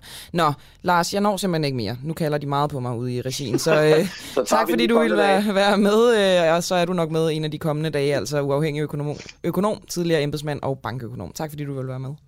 Mange tak. Og så væltede jeg en kop te. Vi talte i går med øh, en dansk mand ved navn Jens øh, Niemann øh, Olsen. Han har familie i Ukraines næststørste by, Kharkiv, som altså øh, i går blev udsat for endnu et øh, stort øh, missilangreb. Og det vi talte med Jens om, det var hans øh, families flugt, hvor det altså var lykkedes dem, skal lige sige, at komme øh, ud af Ukraine, men at det var absolut ikke uden øh, risiko det her. Derudover så fortalte Jens også, at han ligesom har fulgt dem via sådan en sporingsenhed, tror jeg, tror jeg man kalder det, så han ligesom har en meget god idé om, hvor, hvor de er henne, og han var øh, voldsomt nervøs. Vi vil gerne lige følge op her til morgen for at høre, hvor, øh, hvor de er henne nu. Måske. Måske på vej til Rumænien. Det øh, kan Jens nok bedre svare på. Og Jens, øh, hvor er øh, din familie henne nu? Jamen, øh, de er ankommet til øh, Lviv, som jo ligger i den, i den vestlige side af Ukraine og relativt tæt på grænsen til Polen. Mm. Er det trygt? Ja, det, det synes jeg. Det er mit indtryk er, at, øh, at de sådan er, er kommet i, i lidt bedre sikkerhed, end de har været tid selv. Ja, for da vi talte med dig i går, der var du øh, ja, selvfølgelig, selvfølgelig nervøs, men også i forhold til det her med, der stillede vi spørgsmål om det her med, at øh, når man så tager flugt, når man kommer ud af, af landet, og man så er i sikkerhed, der lød du ret usikker på ja, deres, øh, deres sikkerhed. Ja, lige præcis. Ikke? Også fordi vi kunne jo se, at de, de bevæger sig i en kæmpe bu udenom Kiev, helt heldigvis kan vi sige. Ikke? Ja. Øhm, og, og vi kunne også se på den her app, som jeg nævnte i går, at, øh, at de bevæger sig frem og tilbage. Så, så hvad der præcis skete, det medførte jo en, en del usikkerhed. Mm. Øhm, og der gik lange perioder i går, også, hvor vi faktisk ikke havde kontakt med dem, sikkert på grund af noget, noget dårlig internetdækning. Men uh, de er her i nat nået frem til Lviv og, og, og har det efter omstændigheden godt. De er jo ekstremt trætte og, og stresset øh, over alt det, der er sket, og, og det, der også skal ske fremadrettet nu. Og så er det jo Kharkiv, de var, øh, ja, på, var på vej ud af, og nu er øh, ude af, ja. og, og Kharkiv blev i den grad øh, ram, ramt igen i går. Ja, ja. Har, du, har du talt med dem siden om ja, nogle af de her forfærdelige billeder? Øh, ja, jeg har talt med dem, ja. ja. Men, men øh, vi har haft meget fokus på, på det, han har sagt, på det fremadrettet, ikke også? Altså, ja. hvordan kommer de videre, ikke? Hvor skal de fokus hen? Vi har haft nogle overvejelser om, om hvorvidt de skal øh, øh, søge mod Polen eller mod Slovakiet. Øhm, og det har vi sådan drøftet lidt, hvad, hvad, hvad der er bedst, fordi der er jo, vi har hørt, der er rigtig, rigtig mange øh, mennesker ved den polske grænse, og måske virkelig lidt færre ved den slovakiske. Okay. Øh, men, men jeg tror nok, det ender med, at de fokuserer på, på den polske. Ja, men, øhm, men Jens, bare lige en, øh, en ting mere, fordi det er jo øh, ja, indtil videre gode nyheder. Det er jo godt. Det skal vi også ja, huske, det, huske at tage dem med. Jeg kan ja. så lige supplere med, at øh, en af vores rigtig gode veninder, hun øh, var lidt senere til at, at komme ud af Kharkiv, øh, og, og vi fik kende faktisk overbevist om, hun skulle se at komme afsted her i, i lørdags. Så der er vi også gået sådan kunne øh, fingre lidt for hendes skæbne. Og det lykkedes hende faktisk at komme på et tog øh, fra Kharkiv øh, mod Lviv. Øh, og hun har, hende har faktisk lige fået melding øh, fra her for et kvarter siden, at hun er ankommet til Lviv her øh, for et øjeblik siden. Okay. Og så alle ser ud til at være i, i uh, relativt gode behold. Ja. Jeg har faktisk lige en, øh, nu jeg har der Jens, en ting mere. Øh, det er fordi, vi tager her øh, lige om lidt, der tager vi lidt mere fokus på nogle af de her tjetjener, der bliver talt så meget om. Øhm, ja. Bliver beskrevet som meget, meget øh, voldsomme, bestialske øh, ja. soldater. Øh, og noget af det også bare rygter og afskrækkende, alt det her. Men du havde faktisk ja. en sådan en, en historie, som dog ikke var sådan helt verificeret, men noget, du havde hørt fra familien. Vil du prøve at lige give den igen, før vi tager det her tema ja, videre? Ja, altså, altså det jeg får at vide, det er jo, jeg har jo, altså min, min øh, kontaktperson dernede, eller den person, jeg talte med, har oplevet at, og, og, og, og set, at der er nogle øh, civile, der blev skudt øh, af de her øh, ekstremister. Og det er jo sådan tilfældigt, at de går rundt og spørger, om du har øh, ukrainsk pas, og hvis man har det, ikke, så, ja, så får man lige en kugle for panden. Så det er meget barbarisk, og det minder mig faktisk om alt det, vi oplevede i sin tid øh, i Syrien og i Irak øh, med, med islamisk stat. Det er sådan lidt den, øh, det minder lidt om det samme, synes jeg. Det er meget uhyggeligt. Så det, du har hørt, det er, det er folk, som ikke ligesom har øh, åbnet ild eller noget mod de her, ja, de her folk? Ja, det er uskyldige civile ja. uh, ukrainer, ja, det er det. Har du hørt mere om, hvor... Nej, jeg har ikke hørt mere siden, Nej, jeg har ikke hørt mere om det, siden vi, vi talte sammen, men jeg har hørt det fra, fra to forskellige personer okay. øh, for, for nogle dage siden. Okay. Ja. ja. Vi tager den, øh, vi tager den videre, og så ja. vil jeg egentlig bare sige uh, tak til dig her igen, uh, Jens Niemann Olsen, ja. som altså har familie i Kharkiv, som nu er, er flygtet, men også i uh, indtil videre heldigvis i god behold. Kan det godt? Ja, tak. I lige måde. Tak. Hej, hej.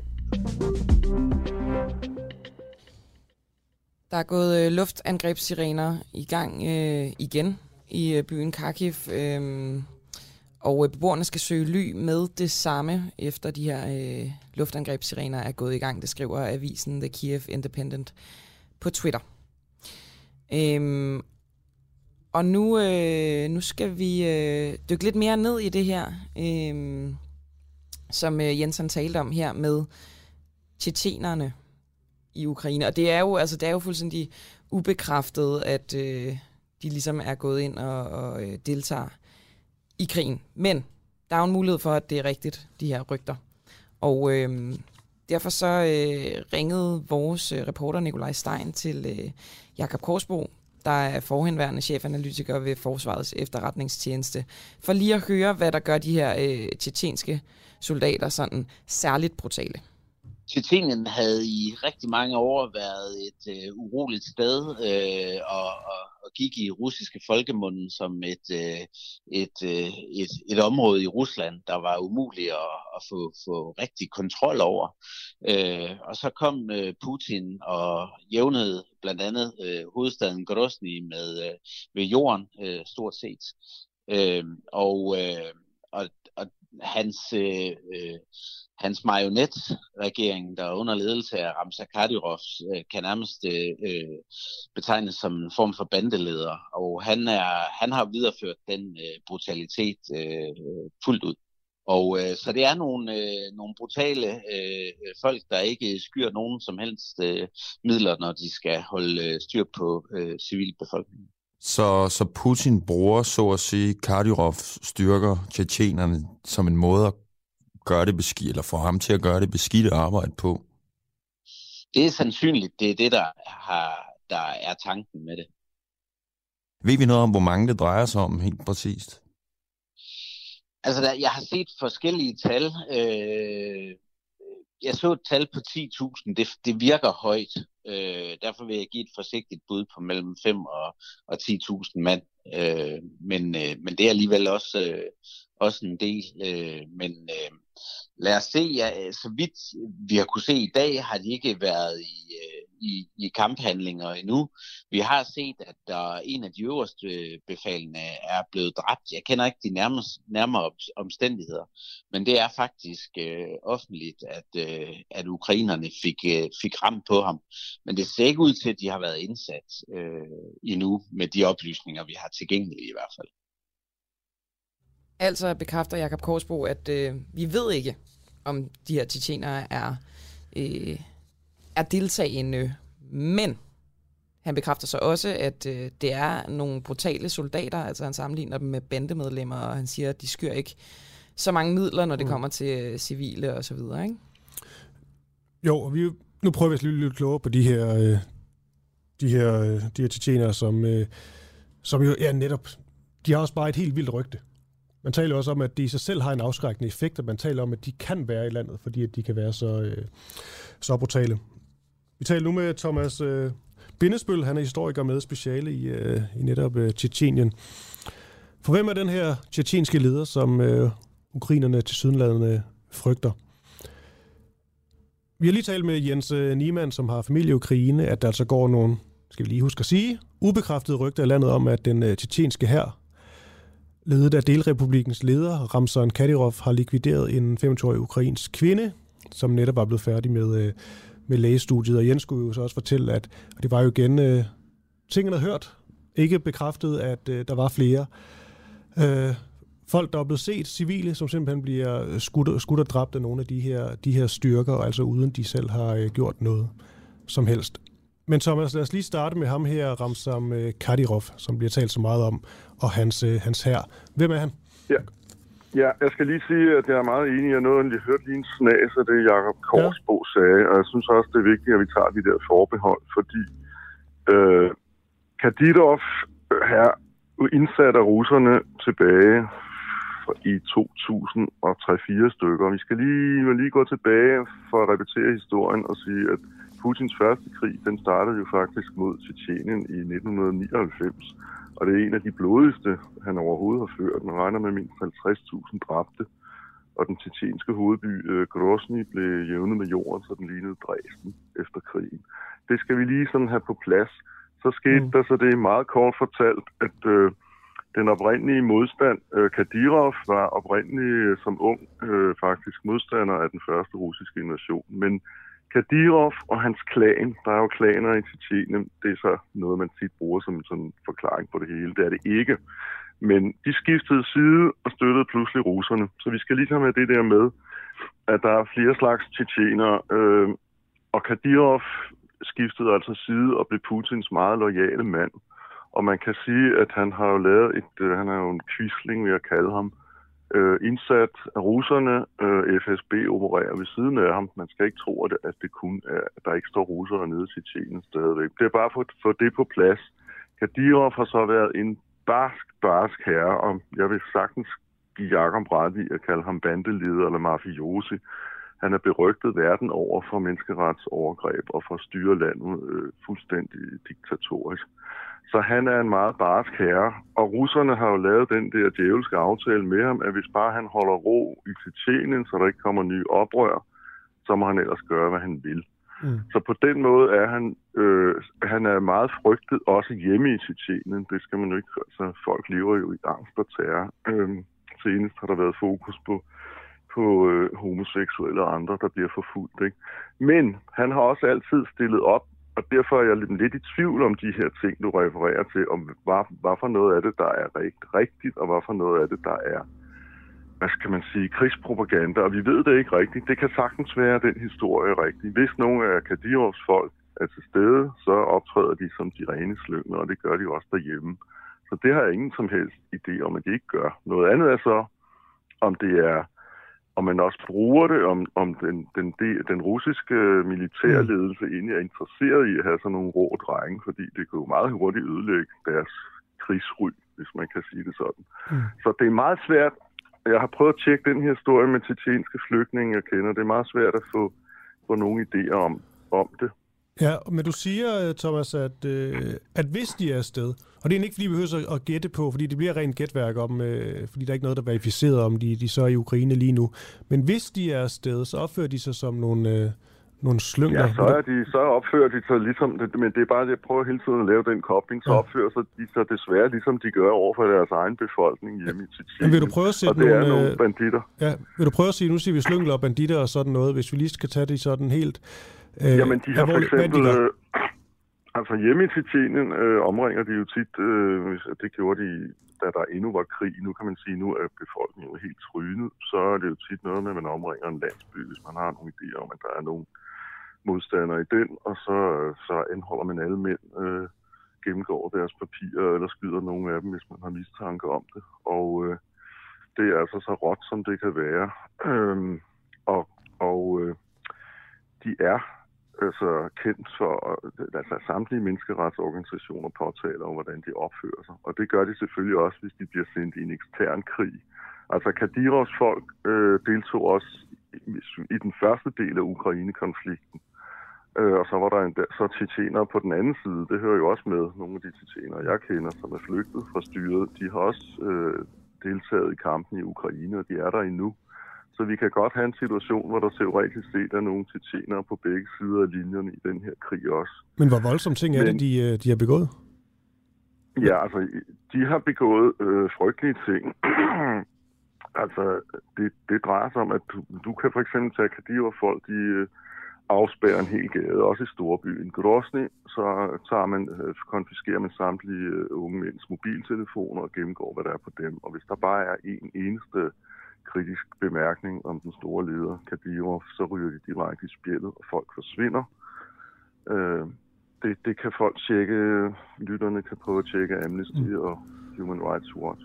Og i krigene ved jeg ikke, jeg ved ikke, mm. jeg, jeg, har, jeg, jeg har kun hørt de der sidste rygter om, øh, som du også refererer til, Ja. at, at de øh, har været i frontlinjen. Men når du Øh, siger, at og folk, folk forsvinder, er, det, altså, er vi også ude i tortur? Hvad kan det være? Og ja, Ja. ja. Og ja. Altså, det, folk kan google Kadyrov fra Human Rights øh, in Chechnya, og så kan de få en lang, lang liste over forfærdelige ting og sager. Kadyrov er også beskyldt for et personligt deltag i tortur og sådan noget. Men jeg vil lige sige, hvis jeg må, øh, han er også en parade, han er også sådan en, øh, en ja, det er jo, man kan jo ikke kalde ham skuespiller, men altså han stod forleden dag øh, og og holdt tale til 12.000 øh, af hans trofaste folk og lovede, at de skulle sendes øh, afsted til krigen i Ukraine. Og han, han er også sådan en, der, der sådan fører sig meget voldsomt frem med, hvad han vil gøre. Men om han har, han har sendt 500 eller 5.000 mand til, til Ukraine, det ved vi ikke. Folk skal bare lige huske, at det ikke er noget, øh, bestemmer selv. Hvis, hvis øh, Kadirovs folk opererer i Tjetjenien og opfører sig øh, lige så brutalt der, som de gør derhjemme, så er det kun efter ordre fra en, og det er Putin selv. Så, så enten, hvis jeg var russisk general, så ville jeg nok bede om at holde ham langt væk, fordi hans folk begår krigsforbrydelser. Men øh, det må russerne jo selv rode med. Ja, okay. Vi, Så- øh, ja, vi må bare Ja. se, se, hvad, se, hvad der sker. Ja, vi må se, men jeg, jeg synes også, det er vigtigt, at folk kan sige, jo, der er sikkert øh, Kadyrov-folk, øh, og der er også folk på den anden side, det skal man så have med. Og der er ufattelig meget, øh, vi ikke ved, altså tal og styrker mm. og begivenheder. Det kommer, det, som du ved, krige er, sandheden det første offer. Så, så hvad der er rygter og hvad der, hvad der er sandhed, det, det er svært at skille ad. Det eneste, man kan sige, Kadirovs folk er i hvert fald notoriske, øh, meget, meget øh, forbryderiske, og det er de sikkert også i den her krig. Ja. Det, det må man konstatere. Og lad det blive de ja. afsluttende ord her, Thomas øh, Bindesbøl. Du Ja, er histo- tak. historiker med speciale i Tjetjenien. Det var en fornøjelse at have med her til morgen. Ja, tak skal du have. Hej. Hej. Klokken den er blevet 8. 10, og øh, prøv, når man er øh, journalist, så øh, prøver man jo at dække sådan noget her fuldstændig øh, nøgternt, tilstræbt, øh, objektivt, men vi er jo også mennesker, Christoffer. Det er korrekt. Altså, jeg har grædt over den her, øh, den her situation i Ukraine. Jeg er også forleden kommet gående ned ad gaden, og lige pludselig, bang, så ramte det mig, så var jeg sådan, atomvåben. Nu er jeg sådan decideret bange. Altså, jeg kunne mærke sådan frygten i mig. Det er ikke, fordi jeg går og er bange for atomvåben Men det er sjovt, tiden, fordi men jeg har sådan den modsatte. Og det er ikke for at være sådan macho lige nu. det kan du bare være. Jamen, det vil jeg faktisk ikke være. Det er mere fordi, man, at når man taler om de her atomvåben, så er det hele tiden med, at det er afskrækkende, men for os altid at vide, der kommer altid en eller anden ekspert ind, der siger, nu taler for eksempel Putin om atomvåben, og vi kan springe jorden i luften så mange gange, men det kommer aldrig til at ske. Og der stoler jeg altså ret meget på eksperterne, fordi at, øh, der er sgu ikke nogen, der tør at trykke på den knap. Det siger du jo. Det siger eksperterne jo. Men altså, de er der jo stadig. Men det kan også være, at jeg er for rolig.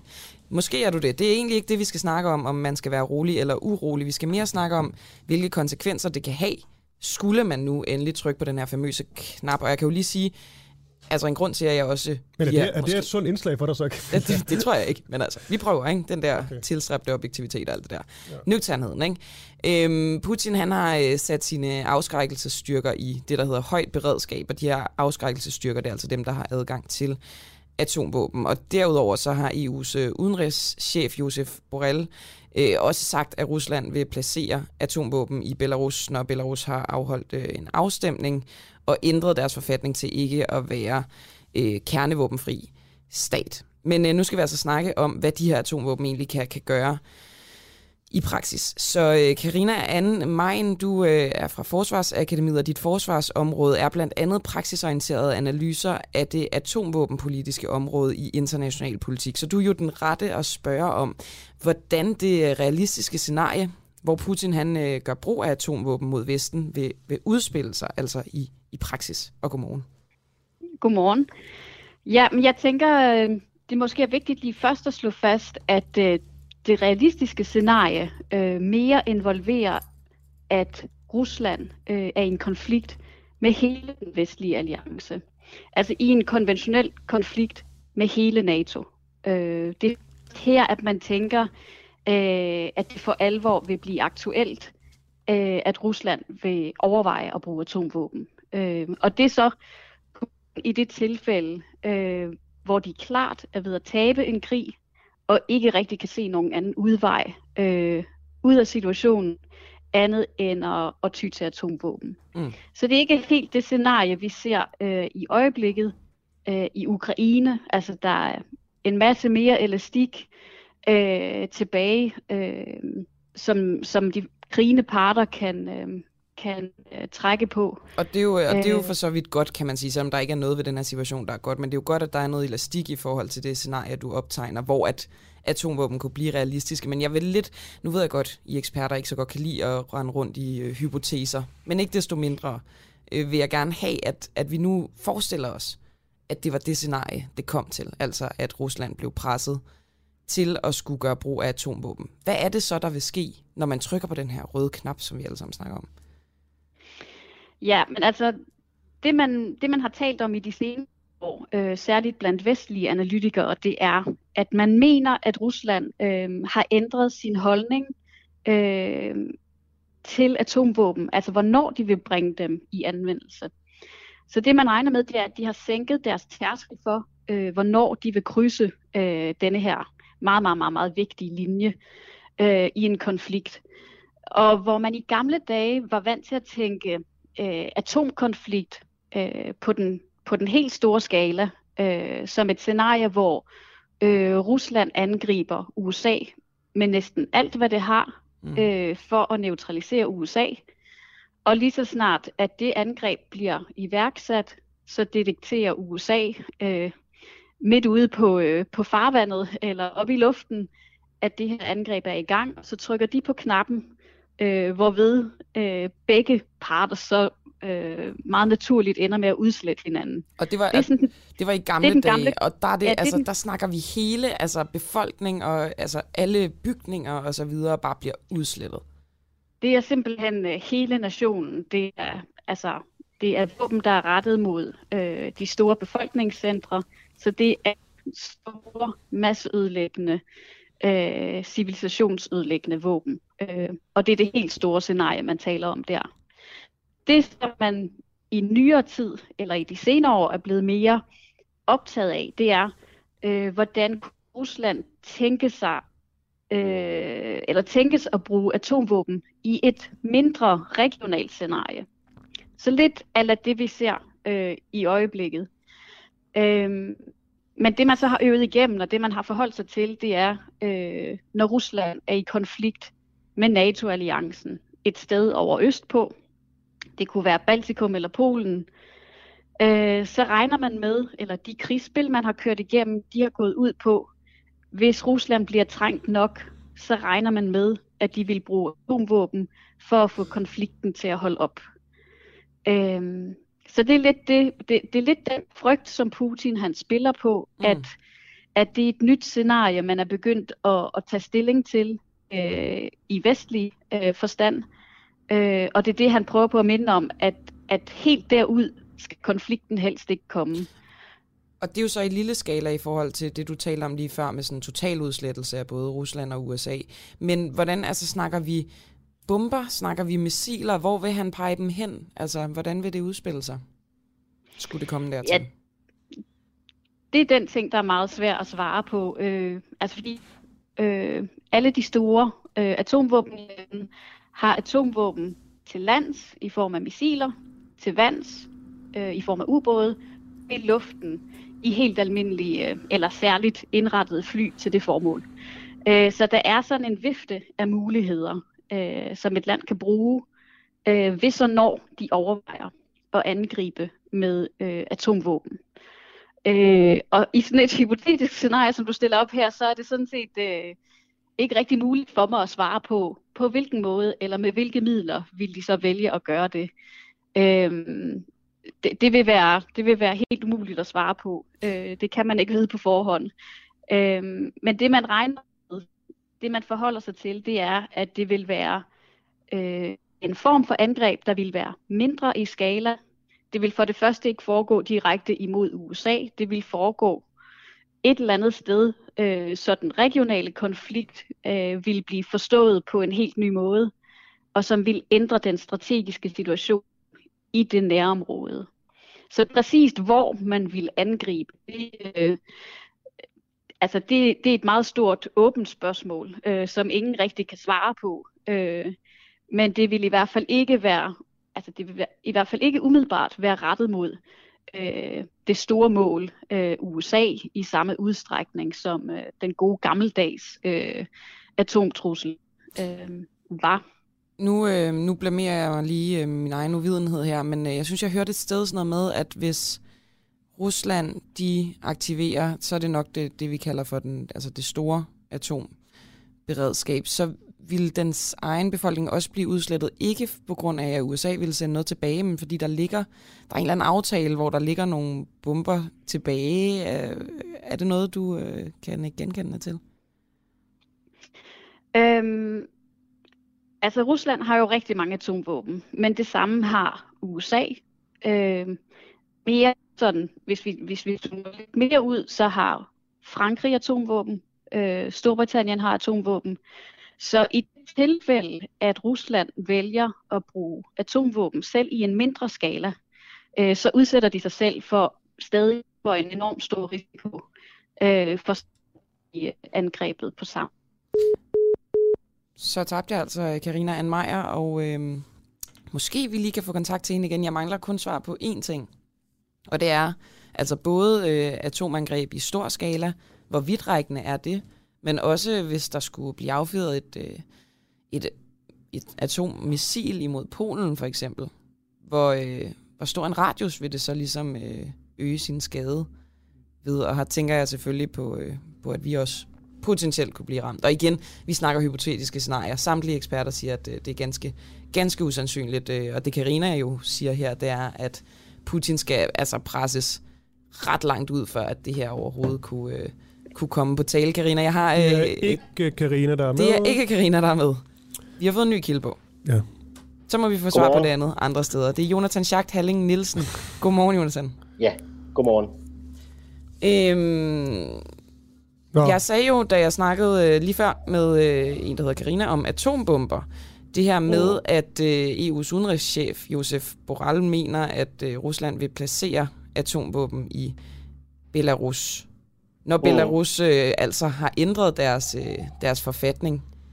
Men det spørgsmål, vi gerne vil stille dig, er, om har, har Lukashenko altså sagt ja til at huse Putins atombomber? Ja, det har han, og det har han sagt øh, helt offentligt.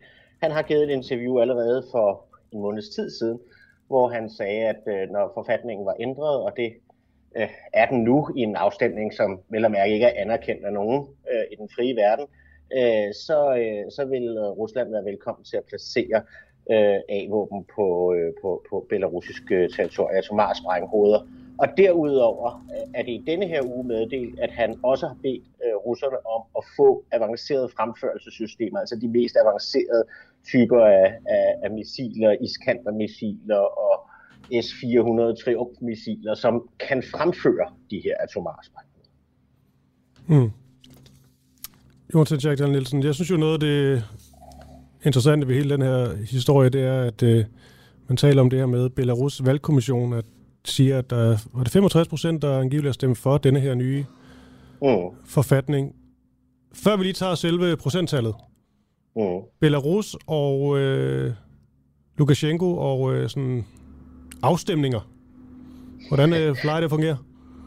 Jamen altså, det der nok står klarest i de fleste øh, hukommelse, er jo, at de i august øh, 2020 havde et præsidentvalg, hvor øh, Lukashenko øh, hævdede at vinde, selvom dokumentation fra lokale øh, valgkommissioner viste massiv opbakning til den kandidat, der hedder Svetlana Tikhanovskaya, så hun vandt efter alt at dømme. Men den centrale valgkommission øh, kom alligevel ud med et andet øh, tal, og det var faktisk sådan, at da øh, Tikhanovskaya tog ind til valgkommissionen for at klage over øh, det tal, øh, så blev hun øh, holdt tilbage af sikkerhedsfolk og presset til at forlade øh, Belarus. Så det er et, øh, en, en forbryderorganisation, som er skabt for, at Lukashenko kan holde om, øh, om magten, og det gør de med alle til rådighed værende midler. Mm. Hvorfor er det egentlig ikke højere end 65 procent så? Øh, jamen, det kan der være flere årsager til. Altså for det første er det jo ikke en afstemning med Lukashenko, hvor, hvor, hvor, hvor han typisk har brug for sådan noget 80-90 procents opbakning for at kunne hæve, at han alene øh, vide. Øh, Øh, det, der er tale om en, en såkaldt folkeafstemning. Øh, for det andet, så er det klart, at der er en meget, meget stor modstand mod det her i det belarusiske, i det belarusiske folk. Øh, lige præcis det, der handler om at være militært engageret i, i udlandet, der skræmmer sporene øh, for langt de fleste belarusser. Og det er fordi, at rigtig mange unge belarusiske mænd øh, døde i Sovjetunionens, altså Ruslands øh, imperialistiske krig i Afghanistan, og det sidder stadig som en dybt sorg i den belarusiske befolkning. Så når folk skal lave en grund til, at Belarus ikke skal være en del af, af Rusland, så er det altid deltagelse i russisk krigstjeneste, der bliver nævnt. Mm. Og det bliver ophævet. Altså, den der neutralitetsforpligtelse, der var, der var i øh, øh, deres øh, forfatning, er blevet ophævet med denne her afstemning. Og lige nu gør øh, Belarus et stort antal, antal styrker klar til at gå ind i øh, Ukraine sammen med russerne.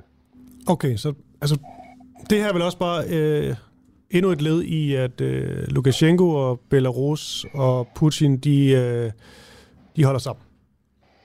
De holder sammen, men de holder jo sammen på den måde, at Lukashenko ikke rigtig har andet øh, valg. Øh, altså, han, er, han har været afhængig af russisk støtte for at kunne holde øh, på magten efter det her præsidentvalg, øh, jeg omtalt, og lige nu der er han i gang med at betale øh, Putin tilbage for den øh, støtte, som, øh, som, som han, han gav.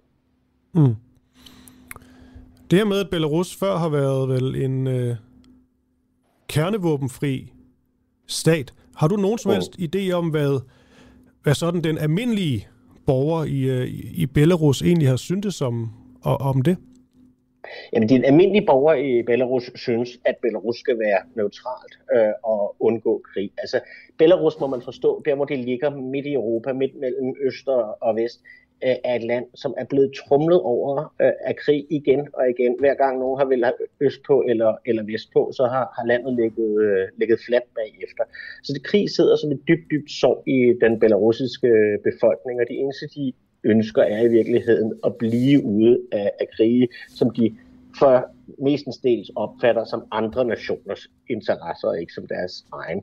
Så der er en modstand mod det her i den belarusiske befolkning. Men man kan sige, det der måske mangler er modet til at gå op imod øh, diktatoren og, og hans øh, beslutninger. Og det, øh, det har vi stadigvæk til gode at se, om denne her situation provokerer en, en mere resolut modstand, end den vi har set de seneste par år. Ja, fordi der kan vel også, øh, hvis man vender om, kan det også være det med, at de så for øh, muligvis for, øh, for, for ikke, i hvert fald ikke længere bliver en øh, kernevåbenfri øh, stat. Der vil også på en eller anden måde en form for sikkerhed forbundet med det, fordi så er man vel øh, hjemme, når det kommer til øh, Vladimir Putin, som i hvert fald ikke kommer til at invadere Hvide Rusland. Øh, Ja, det er klart, at, at, at hvis, hvis russiske styr... Man kan diskutere, om, om, Vladimir Putin allerede har invaderet øh, Belarus øh, med, med, med den belarusiske diktators øh, accept. Altså der, der er blevet placeret et meget stort antal øh, tropper i øh, Belarus, altså russiske tropper, Øh, og selvom nogle af dem nu er rykket ind i Ukraine, så, øh, så står en meget stor del af dem stadigvæk i, øh, i, i Belarus. Øh, og, og, og en størrelse, der stadig kan matche den belarusiske her, hvis det var sådan, at de skulle komme i, i konflikt med hinanden. Så, så de facto, så, så må man sige, at så er, er Belarus som selvstændig øh, nation i det her øh, spil, de er sat ud af, af kraft. Okay. Jonathan uh, Jacques Talling Nielsen, du er altså Belarus-kender. Tak for lige at uh, opdatere os lidt på, uh, på situationen i Belarus og med de her Velbekomme. våben. Tak for det. Tak.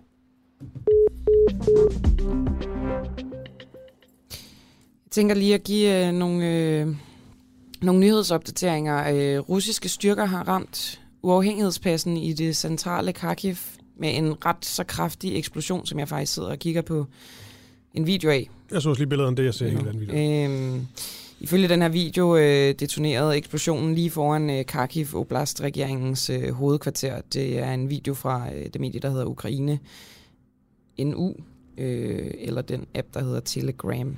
Ja, okay, det ser, det ser vanvittigt ud. Øhm, og det er jo måske, Camilla, også en del af den her fortælling, der sker lige de her dage, at, øh, at Putin synes vist ret tydeligt, at det går øh, for langsomt med denne her invasion. Måske er det ved at blive en lille smule desperat, men det er ret tydeligt, nu bliver der sat ja, tungere artilleri ind simpelthen. Det må man sige, og især jo rettet mod øh, Kharkiv og Kiev, de to største byer i Ukraine. Den øh, britiske regering beordrer havne til at blokere russiske skibe. Øh, Storbritanniens udenrigsminister for øh, transport meddelte beslutningen i et brev øh, i går. Og så, øh, og så advarer Rusland øh, simpelthen imod at sende våben til Ukraine, noget som Danmark jo blandt andet er med til. Det russiske udenrigsministerium meddelte i går mandag, at øh, de, som bidrager med våben til Ukraine, vil blive draget til ansvar, hvis så frem de her våben bliver brugt under Ruslands, øh, det som de selv kalder for militær kampagne i Ukraine. Og derudover så tilføjer det russiske udenrigsministerium, at EU's øh, aktuelle initiativer i forhold til Rusland vil blive mødt af det, som de kalder for et hårdt modsvar, det skriver Reuters. Og øh, ja, den her meddelelse, den kom altså sideløbende med, at den første sending af de danske panserværnsvåben i går aftes blev sendt afsted imod Ukraine. Ja, klokken den er nærmer sig 8 30. Du lytter til en øh, uafhængig morgen. Og vi kan også lige sige, om et kort øjeblik, der har vi en øh, mand ved navn Jesper Rasmussen med, som øh, står i et øh, virkelig voldsomt øh, dilemma, som kan vi godt sige, ingen vil ønske sig for sin øh, værste fjende. Og hvad det her dilemma går ud på, det tager vi øh, vel med Jesper nu, eller er der flere nyheder? Øh, kun lige, at russiske styrker de beskyder et øh, rehabiliteringscenter, som er under øh, den øh, ukrainske regering for øh, veterananlægner i den landsby, der hedder Borodyanka, som også ligger nær Kiev, altså er de russiske tropper stadig øh, omkring Kiev. Men de er altså ikke gået ind endnu. Kampene de, øh, de fortsætter. Jesper Rasmussen har boet i øh, Ukraine i 7-8 år og er uddannet øh, ingeniør, og øh, han befinder sig i Krakow i den øh, sydlige del af Polen, og står vel i det, som man godt kan kalde øh, sit livs mareridt og dilemma. Jesper, vil du ikke øh, fortælle om det her dilemma, som, øh, som du befinder dig i? Øh, jo, øh, jeg takker først lige for, at øh, I vil høre min historie, som jeg synes er vigtig at få ud. Øh, jeg har min familie, som øh, jeg ikke nåede at få ud af forskellige årsager, øh, lidt uden for Kiev.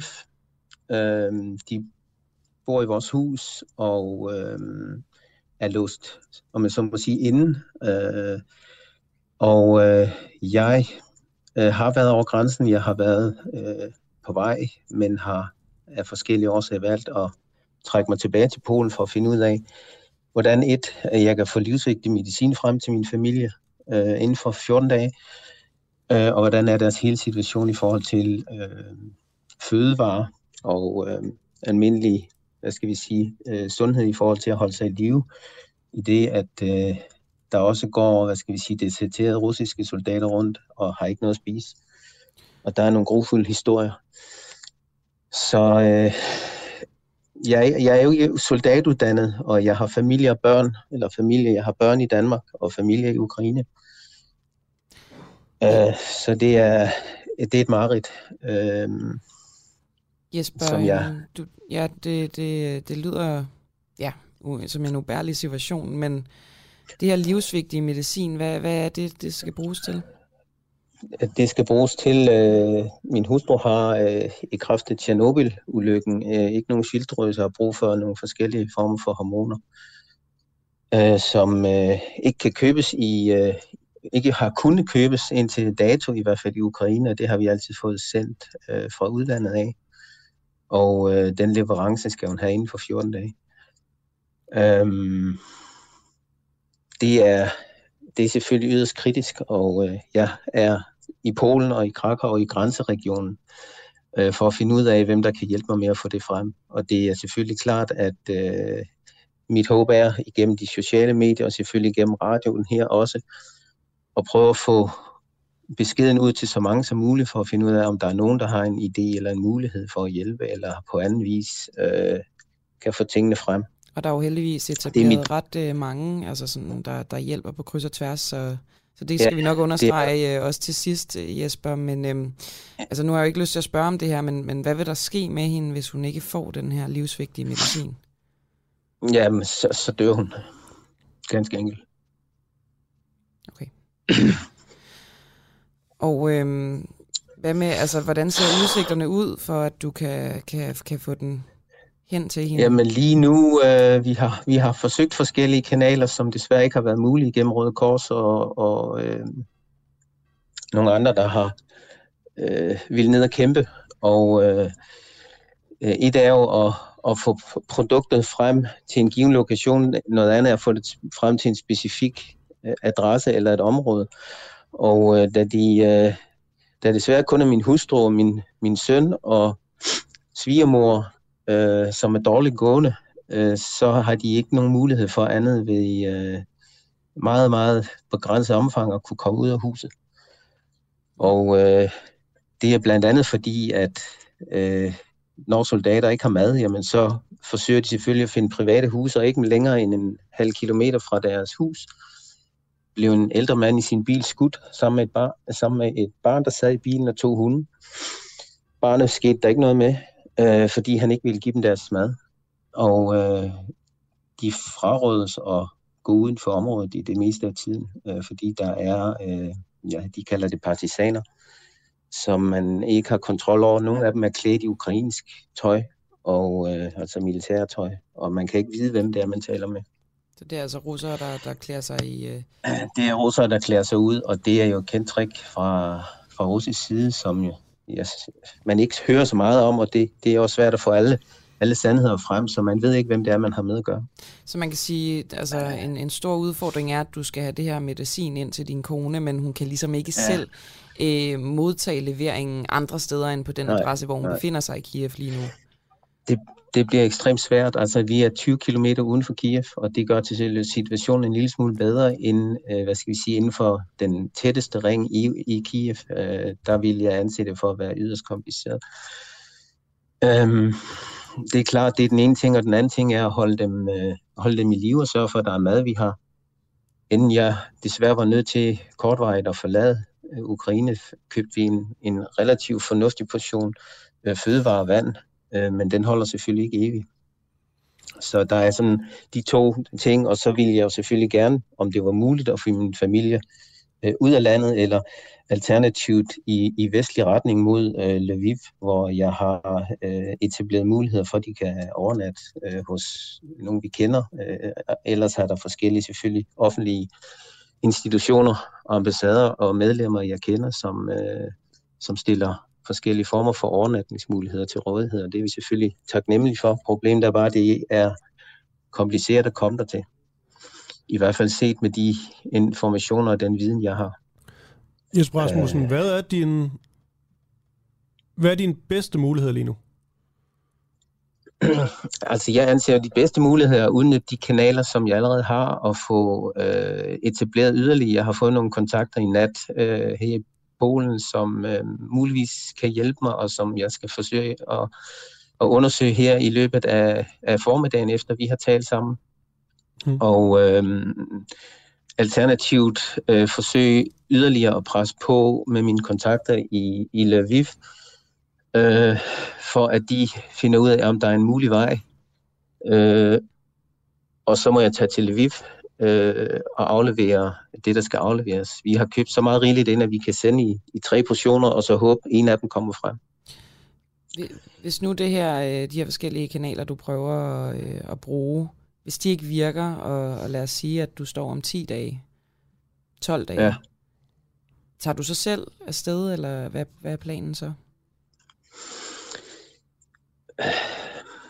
Jo tættere man nærmer sig en deadline, øh, som man øh, ikke selv har sat, Øh, jo sværere bliver valget, men, men øh, det vil øh, formentlig blive øh, den sidste chance, der er.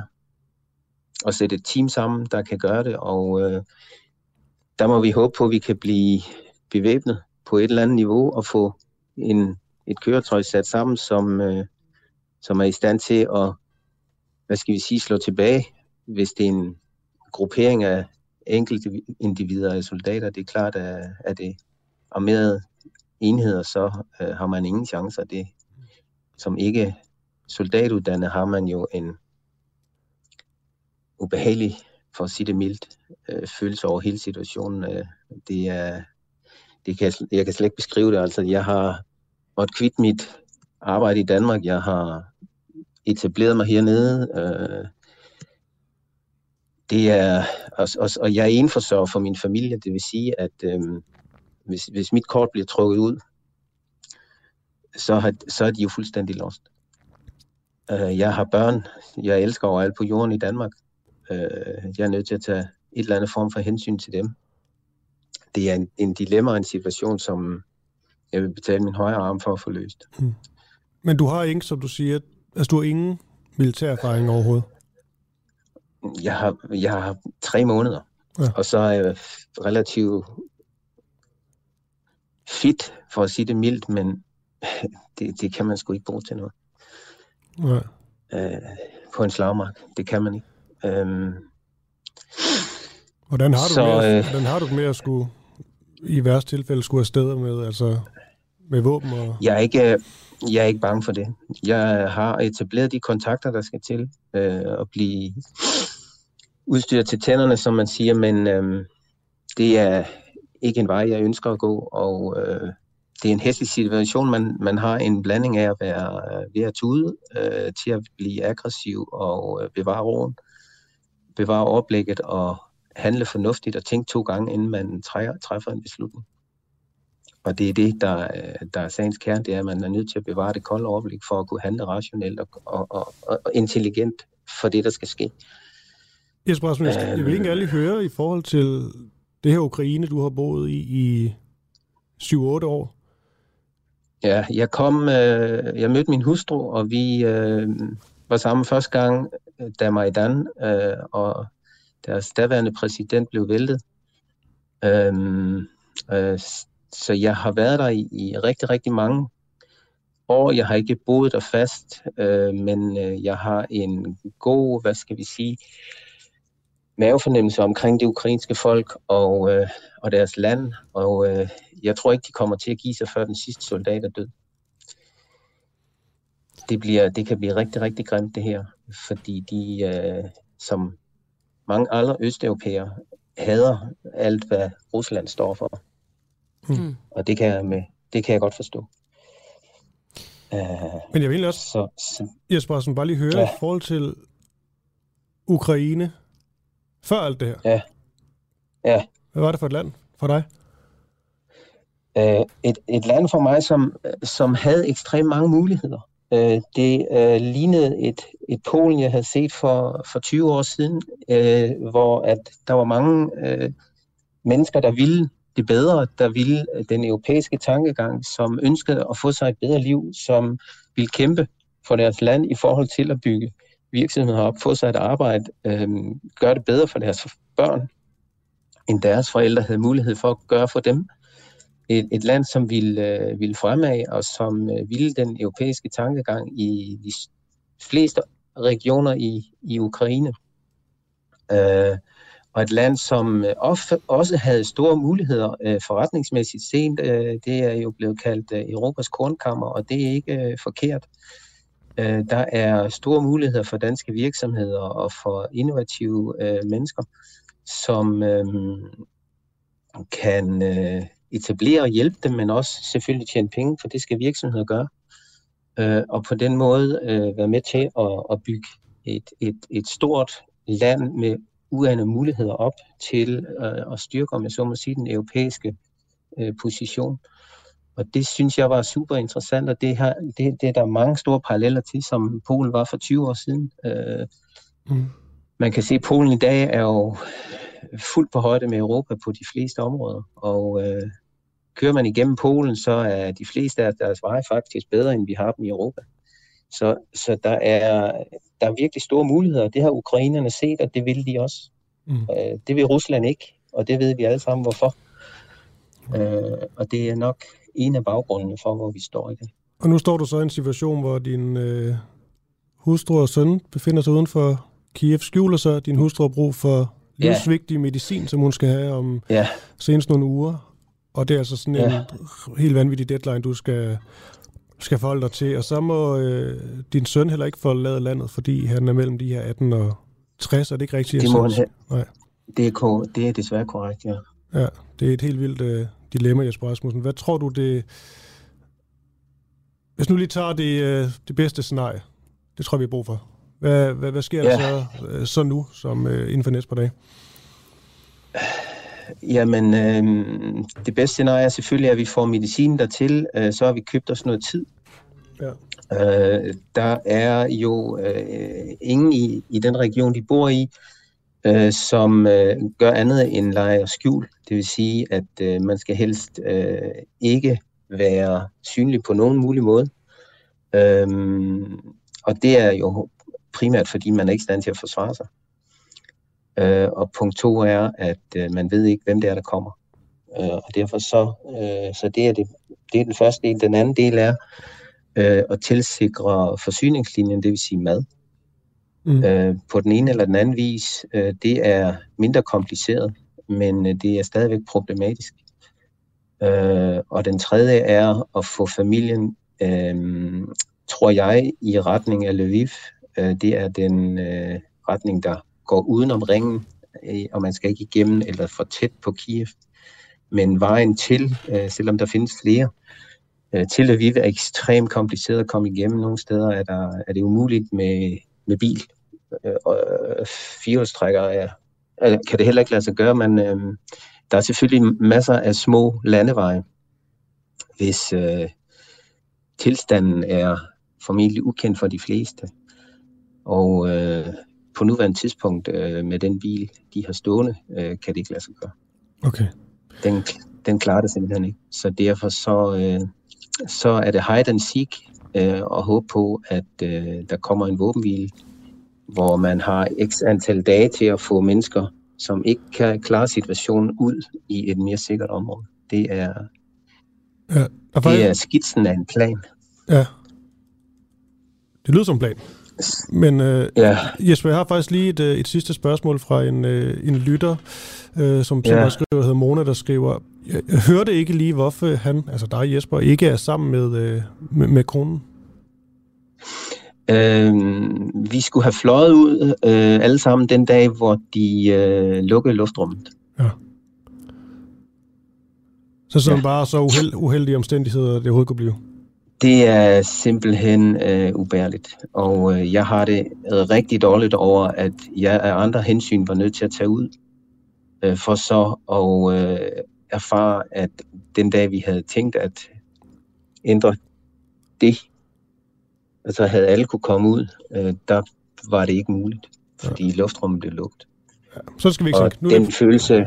positive tanker, Jesper. Så sådan er den, ja, ja det, er den, det, er den, øh, det, det er baggrunden, og øh, den er så tragisk, som den kan være. Ja. Men jeg så tror, vi, det går... jeg, kan, jeg kan sige hernede fra, at vi forsøger at stable forskellige netværk på benene. Det, som vi gerne vil, øh, når det her overstår, det er selvfølgelig at være en del af, af hjælpe øh, grupperne hernede, øh, som jeg må sige, har, polakkerne har gjort det helt fantastisk. Og, og, men lige nu så handler det om at få familien øh, reddet, og med så må sige, bragt i sikkerhed og få hjulpet så godt som overhovedet muligt inden for de rammer, der er udstukket og den deadline, der er givet.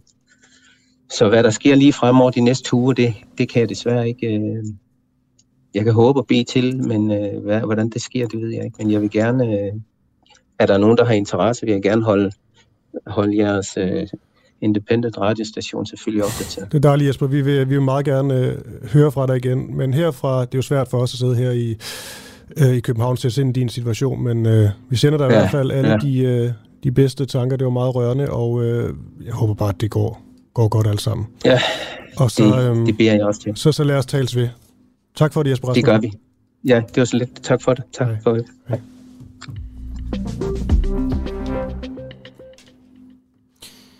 Og så øh, skal vi have en øh, sådan en overordnet øh, overflyvning over, øh, hvad der sker sådan på, øh, på landjorden. Øh, jeg kunne lige fortælle om en, øh, en eksplosion inde i Kiev.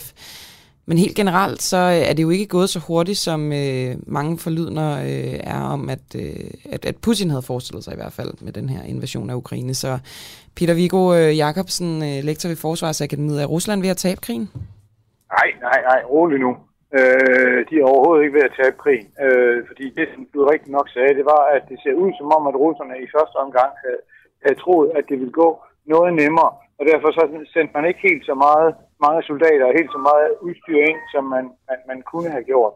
Og det var også nogle relativt lette enheder og nogle relativt lette våbensystemer. Så man har altså prøvet at se, om man kunne nå sine operative mål. For eksempel at nå hovedstaden og måske fange øh, præsidenten, uden at lave alt for meget materiel og menneskelig skade, således at man kunne opretholde den her fortælling om, at man er i Ukraine for at befri befolkningen, således at, at, at, at russer og ukrainere kan leve fredeligt sammen. Det lykkedes så ikke. Og det vi ser, der er ved at ske i øjeblikket, det er, at der bliver ført store styrker frem, store forstærkninger, tunge våbensystemer. Der er måske nogen, der her til morgen har set billeder af den her enorme lange kolonne af, af, af russiske øh, materiel, der er på vej mod øh, Kiev. Så, så vi ser, at russerne er ved at gøre klar til næste fase af krigen, hvor de så vil angribe med mange flere soldater og tungere våben, og vi har allerede set et, et ret grimt bombardement af Kharkiv. Så man kan sige en, en fejlkalkulering fra Ruslands side i første omgang, og nu opruster de... Altså, den her øh, kolonne, øh, den, der, det forlyder, at den er 65 kilometer lang. Er, ja. er det virkelig... Det lyder bare rigtig, rigtig langt. Det snakkede vi om på redaktionen ja. i morges. Altså, det er jo vanvittigt langt. Men det er det jo også, men det er jo også rigtig mange soldater og rigtig mange våben og rigtig mange forsyninger, som russerne fører frem nu, for at, at kunne, kunne, hvad det hedder, i første omgang sandsynligvis omringe hovedstaden, og så må vi jo så se, om de så har tænkt sig at prøve at erobre den, eller de, også, eller, eller de bare vil, vil stå omkring den og lukke den inde. Altså, det, det, det, det, er jo, det er jo typisk meget grimt, når man skal til at angribe ind i byer. Hvad tror du? Og derfor så, jamen jeg ved ikke. Altså det, det kommer også an på, hvad russernes overordnede plan er, det kan jeg simpelthen ikke gennemskue. Jeg troede jo overhovedet ikke, at de ville lave sådan en stor stilet angreb, fordi jeg simpelthen ikke kan se, hvordan det skal ende godt for dem. Og derfor så, så, så, så, så ved jeg faktisk ikke præcis, hvad det er, de har tænkt sig. Har de tænkt sig at besætte hele Ukraine, eller kun en del, del, del af Ukraine, eller hvad er det, de prøver på? Det synes jeg er svært at se lige i øjeblikket. Og man kan jo se, altså de, øh, de beskyder øh, sådan noget som fødselshospitaler og, øh, og andre steder, og man, der er også forlydende om civile. Ja, men det er, jo så, det er jo så nok ikke med vilje, vel? Men det er jo det, der mm. sker, når man begynder at bombardere bebyggede områder, så, så rammer man jo ikke kun militære mål. Og, og det har vi jo set i andre krige også, men, men altså, der er ikke noget, der, altså, der, de har jo ingen interesse i at begynde at gå direkte efter øh, øh sådan, nogle, sådan nogle mål. Men det er klart, at når de rammer sådan nogle mål, så vil ukrainerne selvfølgelig straks bruge det i propaganda for at vise, hvor umenneskelige russerne er. Så det er jo også en del af det spil, der foregår, når der er krig. Ja, fordi det er også på en eller anden måde en, øh, en informationskrig. Øh, hvad, hvad er din vurdering, altså hvis øh, den her konvoj med, med våben og, og soldater, den stiller sig op ud foran Kiev, og så de vælger Jamen, at gå ind, altså kan, kan Kiev holde, holde stand? Det, altså, altså, for at sige det helt overordnet, Rusland er så meget stærkere end Ukraine rent militært, også på trods af alle de våben, de nu får fra EU, at jeg tager det for givet, at, at Rusland vinder den her krigsfase til sidst, altså at de vinder den konventionelle kamp. Men det store spørgsmål for mig, det er, hvad sker der så? Altså hvad sker der, når hovedstaden falder? Hvad er det så, russerne har tænkt sig? Og, og det var det samme problemerne, amerikanerne stod med, da de havde erobret hovedstaden i Bagdad i, i 2003 hvad skulle de så? Hvordan skulle de reagere landet og så videre? Hvad, er det, hvad var det, de ville med landet? Det vidste man godt i USA's tilfælde, men det ved vi ikke i Rusland, så derfor så er det sådan lidt uklart, hvad der så kommer til at ske i anden fase. Hvis de prøver at besætte hele landet, tror jeg, at altså, de kommer til at øh, organisere modstand, øh, og, og så tror jeg, det bliver grimt for, for russerne, men så sandelig også for ukrainerne. Ja, jeg går ud fra, at det er altså, ganske omkostningsrigt at ligesom skulle holde altså en, en hovedstad for Rusland, eller holde Kiev. Men man har også set ukrainerne være virkelig kampløsende, så, så du har før snakket om den her uh, guerillakrig. Øhm, ja. Den anser det, du stadig for sandsynlig? Ja, det, det er en mulighed afhængig af, hvad russerne gør, fordi hvis de trækker sig tilbage fra, fra, fra store dele af Ukraine, så bliver det måske ikke aktuelt. Men, men hvis de prøver at holde hele øh, Ukraine besat, ja, så, så, så tror jeg, at de kommer til at møde hård modstand, og det har de jo, det har de jo allerede vist. Men altså, der, der er forskel på det, vi ser nu. Altså hvis russerne virkelig sætter ind med alle de våbensystemer og alle de soldater, de har, så, så tror jeg, altså, så, så er der stadig tvivl om, hvem der vinder. Men, men Peter Viggo, nu sidder vi jo her meget i, øh, ja, i Vesten og, øh, og helt op at køre over Zelensky og ukrainernes øh, kampvilje og så videre. Men jeg sidder bare og tænker, at så hører dig tale. Er det dybest set groft sagt ud af det heroisk smukt, er det, er det fuldstændig meningsløst, hvis de ikke har en chance alligevel? Det, det, det er da så sandelig ikke meningsløst at kæmpe for sit land og, og, og gøre modstand og vise, at man er i stand til at modstå. For det handler jo også om at vinde verdens parti. Mm. Det handler om at få verden til at lægge pres på Rusland på alle mulige måder og få Rusland isoleret. Og, og der har har den, den ukrainske præsident jo gjort det helt fantastisk. Og jeg er også meget imponeret over hans måde at kommunikere på, og på den måde lægge pres på Vesten. Fordi jeg var jo en lille smule skuffet og frustreret over, at vestlige ledere på krigens første dag reagerede så tamt. De ville ikke gå efter Putin direkte. De ville ikke røre ved SWIFT, og det hele handlede om, at det ikke måtte gøre for ondt på os selv. Øh, da han så kommer på banen med hans kommunikation og lægger pres på Vesten, I skal lukke SWIFT, det er et nyt jerntæppe og et eller andet der kommunikation, der sker, jeg ved ikke hvorfor der sker det skift i løbet af de der 24-28 timer, men der sker et meget stort skift i den måde, som Vesten går til den her krig på. Og det, det, det tror jeg også, man til dels kan, kan tilskrive de billeder og den kommunikation, der kommer ud af Kiev. Altså ikke forgæves uh, ifølge dig, Peter Nej, Viggo Jacobsen? Det, det, det, selvfølgelig er det, ikke, er det ikke forgæves. Man er også nødt til at prøve at signalere over for russerne, at det er uacceptabelt det her. Og det er jo også med til at sende signal om, at hvis I, hvis I besætter os, så får I rigtig svært ved at, at holde, holde landet. Så det er jo også et besøg på at påvirke Ruslands strategiske kalkyle. Hvis de nu havde tænkt sig at besætte hele landet, der troede, det blev nemt, så er de nok ved at nå dertil, at det gør det nok ikke. Og så kan det jo være, at man lægger en anden plan og ændrer sit overordnede mål for krigen. Så det er jo også det, det her handler om. Tak for det, øh, Peter Viggo Jacobsen, altså øh, lektor ved Forsvarsakademiet, og øh, befinder sig i et tog. Tak. Og farvel. Det er det fedeste, Peter Viggo. At han aldrig rigtig siger farvel. Han kaster bare på. Han kommer Næste, ind, han kommer videre, bang. bum, og vi skal altså også videre, for vi har en sidste kilde her til morgen, Christoffer. Det er Marie Kraup. Ja, tidligere DF og nu løsgænger i Folketinget, og øhm, hun har jo blandt andet sagt, at hun havde sådan en form for mundkur på i Dansk Folkeparti, derfor kunne hun ikke tale ligesom om hendes egentlige holdninger til øh, NATO og, øh, og, og Rusland. Og hun er jo kendt for at være mere Rusland og Putin-begejstret end så mange andre her til lands. Men alligevel, når man så så deadline i går, så sagde Marie Krab altså, invasionen er forfærdelig og en øh, forbrydelse. Men Marie Krab har også sagt til Jyllandsposten få timer efter russernes invasion af Ukraine, at vi har et kulturelt fællesskab med, øh, med Rusland. Marie Krab, øh, hvordan hænger det sammen? Vi har et kulturelt fællesskab med, med Rusland, du har også før talt øh, ret så positivt om, men du siger samtidig, at invasionen er forfærdelig og en forbrydelse. Og godmorgen. Godmorgen. Jamen, øh, altså, det er jo helt øh, uomtvisteligt og et øh, faktum, at selvfølgelig har vi et kulturelt fællesskab med Rusland. Altså, kender du Dostoyevsky, det gør Tchaikovsky, Solzhenitsyn, øh, det navnet love, Valdemar. Navnet Valdemar øh, er et, et russisk navn. Vi har været allieret med Rusland i perioder af vores historie. Øh, de er et kristen folk. Øh, Jesus er en fælles person, så, som, som vi sætter ret højt i både Rusland og i, Danmark, så der er enormt mange øh, lighedspunkter. Men der har jo desværre været en isolation af Rusland øh, i mange år. Jeg har arbejdet som rejseguide i nogle år for et øh, rejseselskab øhm, før corona, og øhm, der var det sjovt at have danske turister med til øh, Rusland, og så opdage, at de blev så ekstremt positivt overrasket over, hvor tæt man var på Rusland. Altså, hvor, hvor, hvor meget man var på bølgelængde med russerne. Og det ved folk ikke rigtigt, fordi der er jo desværre ikke så mange danskere, der har været i Rusland.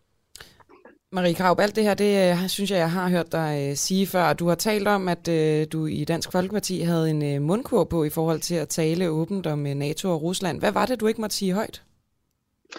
Jamen, det var ikke en anden holdning end det, jeg sagde. Jeg måtte bare ikke tale for meget om det, fordi det larmede for meget, det tog for meget opmærksomhed, fordi så blev jeg jo udsat for en demonisering, som selvfølgelig også gik ud over de andre, øh, og øh, de andre kunne jo ikke rigtig svare for sig, og øh, derfor ønskede de øh, i Dansk Folkeparti, at jeg talte mindre om Rusland. Men hvis du siger, og det er selvfølgelig noget, som jeg har dybt fortrudt i dag. Nej, jamen, tænker, ja.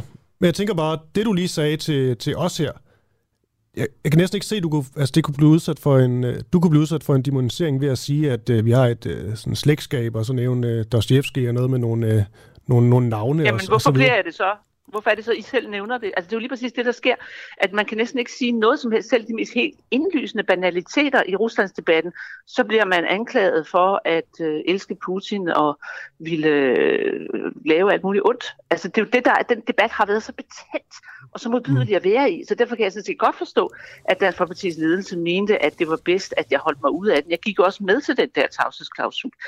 Øh, I dag fortryder jeg det meget, fordi jeg kunne jo have gjort en forskel. Jeg kunne jo faktisk have råbt nogen op, så man havde fået blik for, at her var faktisk et meget alvorligt problem. Nå, men hvad synes du egentlig om Putin så? Jeg synes, Putin er en forbryder.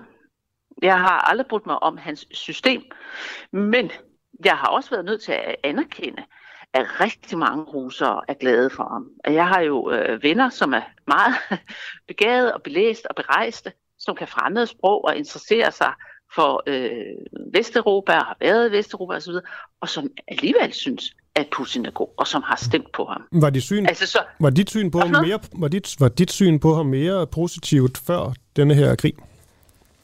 Altså, jeg er meget øh, chokeret over, at han træffer den her helt vanvittige beslutning, og det er mine venner jo også, som har dem, der har, har stemt på Putin. Det, det øh, kan de slet ikke tolerere, og derfor tror jeg, jeg tror også, det her det kommer til at gå galt for ham, fordi han får ikke befolkningen med sig i den her øh, forfærdelige krig. Men man må jo sige, altså, at vores holdning til øh, Putin som regent internt i, i Rusland, er jo ikke så vigtig. Altså, vi kan godt sige, at vi synes, at han er ubehagelig, det, det vil jeg selv øh, sige, fordi jeg bryder mig ikke om sådan et system. Men hvis russerne accepterer det, så er vi jo nødt til at acceptere, at det er deres valg. Altså, så der er nogle øh, gange, hvor man er nødt til at øh, stoppe sin egen ideologi og sine egne holdninger væk, og så bare sige, at det er et faktum, at Putin er der, og Putin har en meget stor opbakning i Rusland, og det skyldes ikke kun, at ytringsfriheden ikke er lige så god, som den er i, i Danmark. Det skyldes også, at de synes, at han står som garant for, at Rusland kan være stormagt. Marie Kraup, øh, på 30 sekunder her til sidst. Øh, hvem har i gang sat alt det her, vi ser lige nu? Det har, NATO altså, eller Rusland? Hvad kom først, hønen eller Putin, Putin er skyld i invasionen. Det er der overhovedet ingen tvivl om. Men at vi er kommet så vidt, der har Vesten også et medansvar. Selvfølgelig ikke det hele, men vi har i lang tid behandlet Rusland på en ubegavet måde, og behandlet Ukraine på en helt er det en 50-50? specielt ubegavet måde. Øh, nej, det er det ikke, fordi altså, selve invasionen, det er jo 100% øh, Putins ansvar.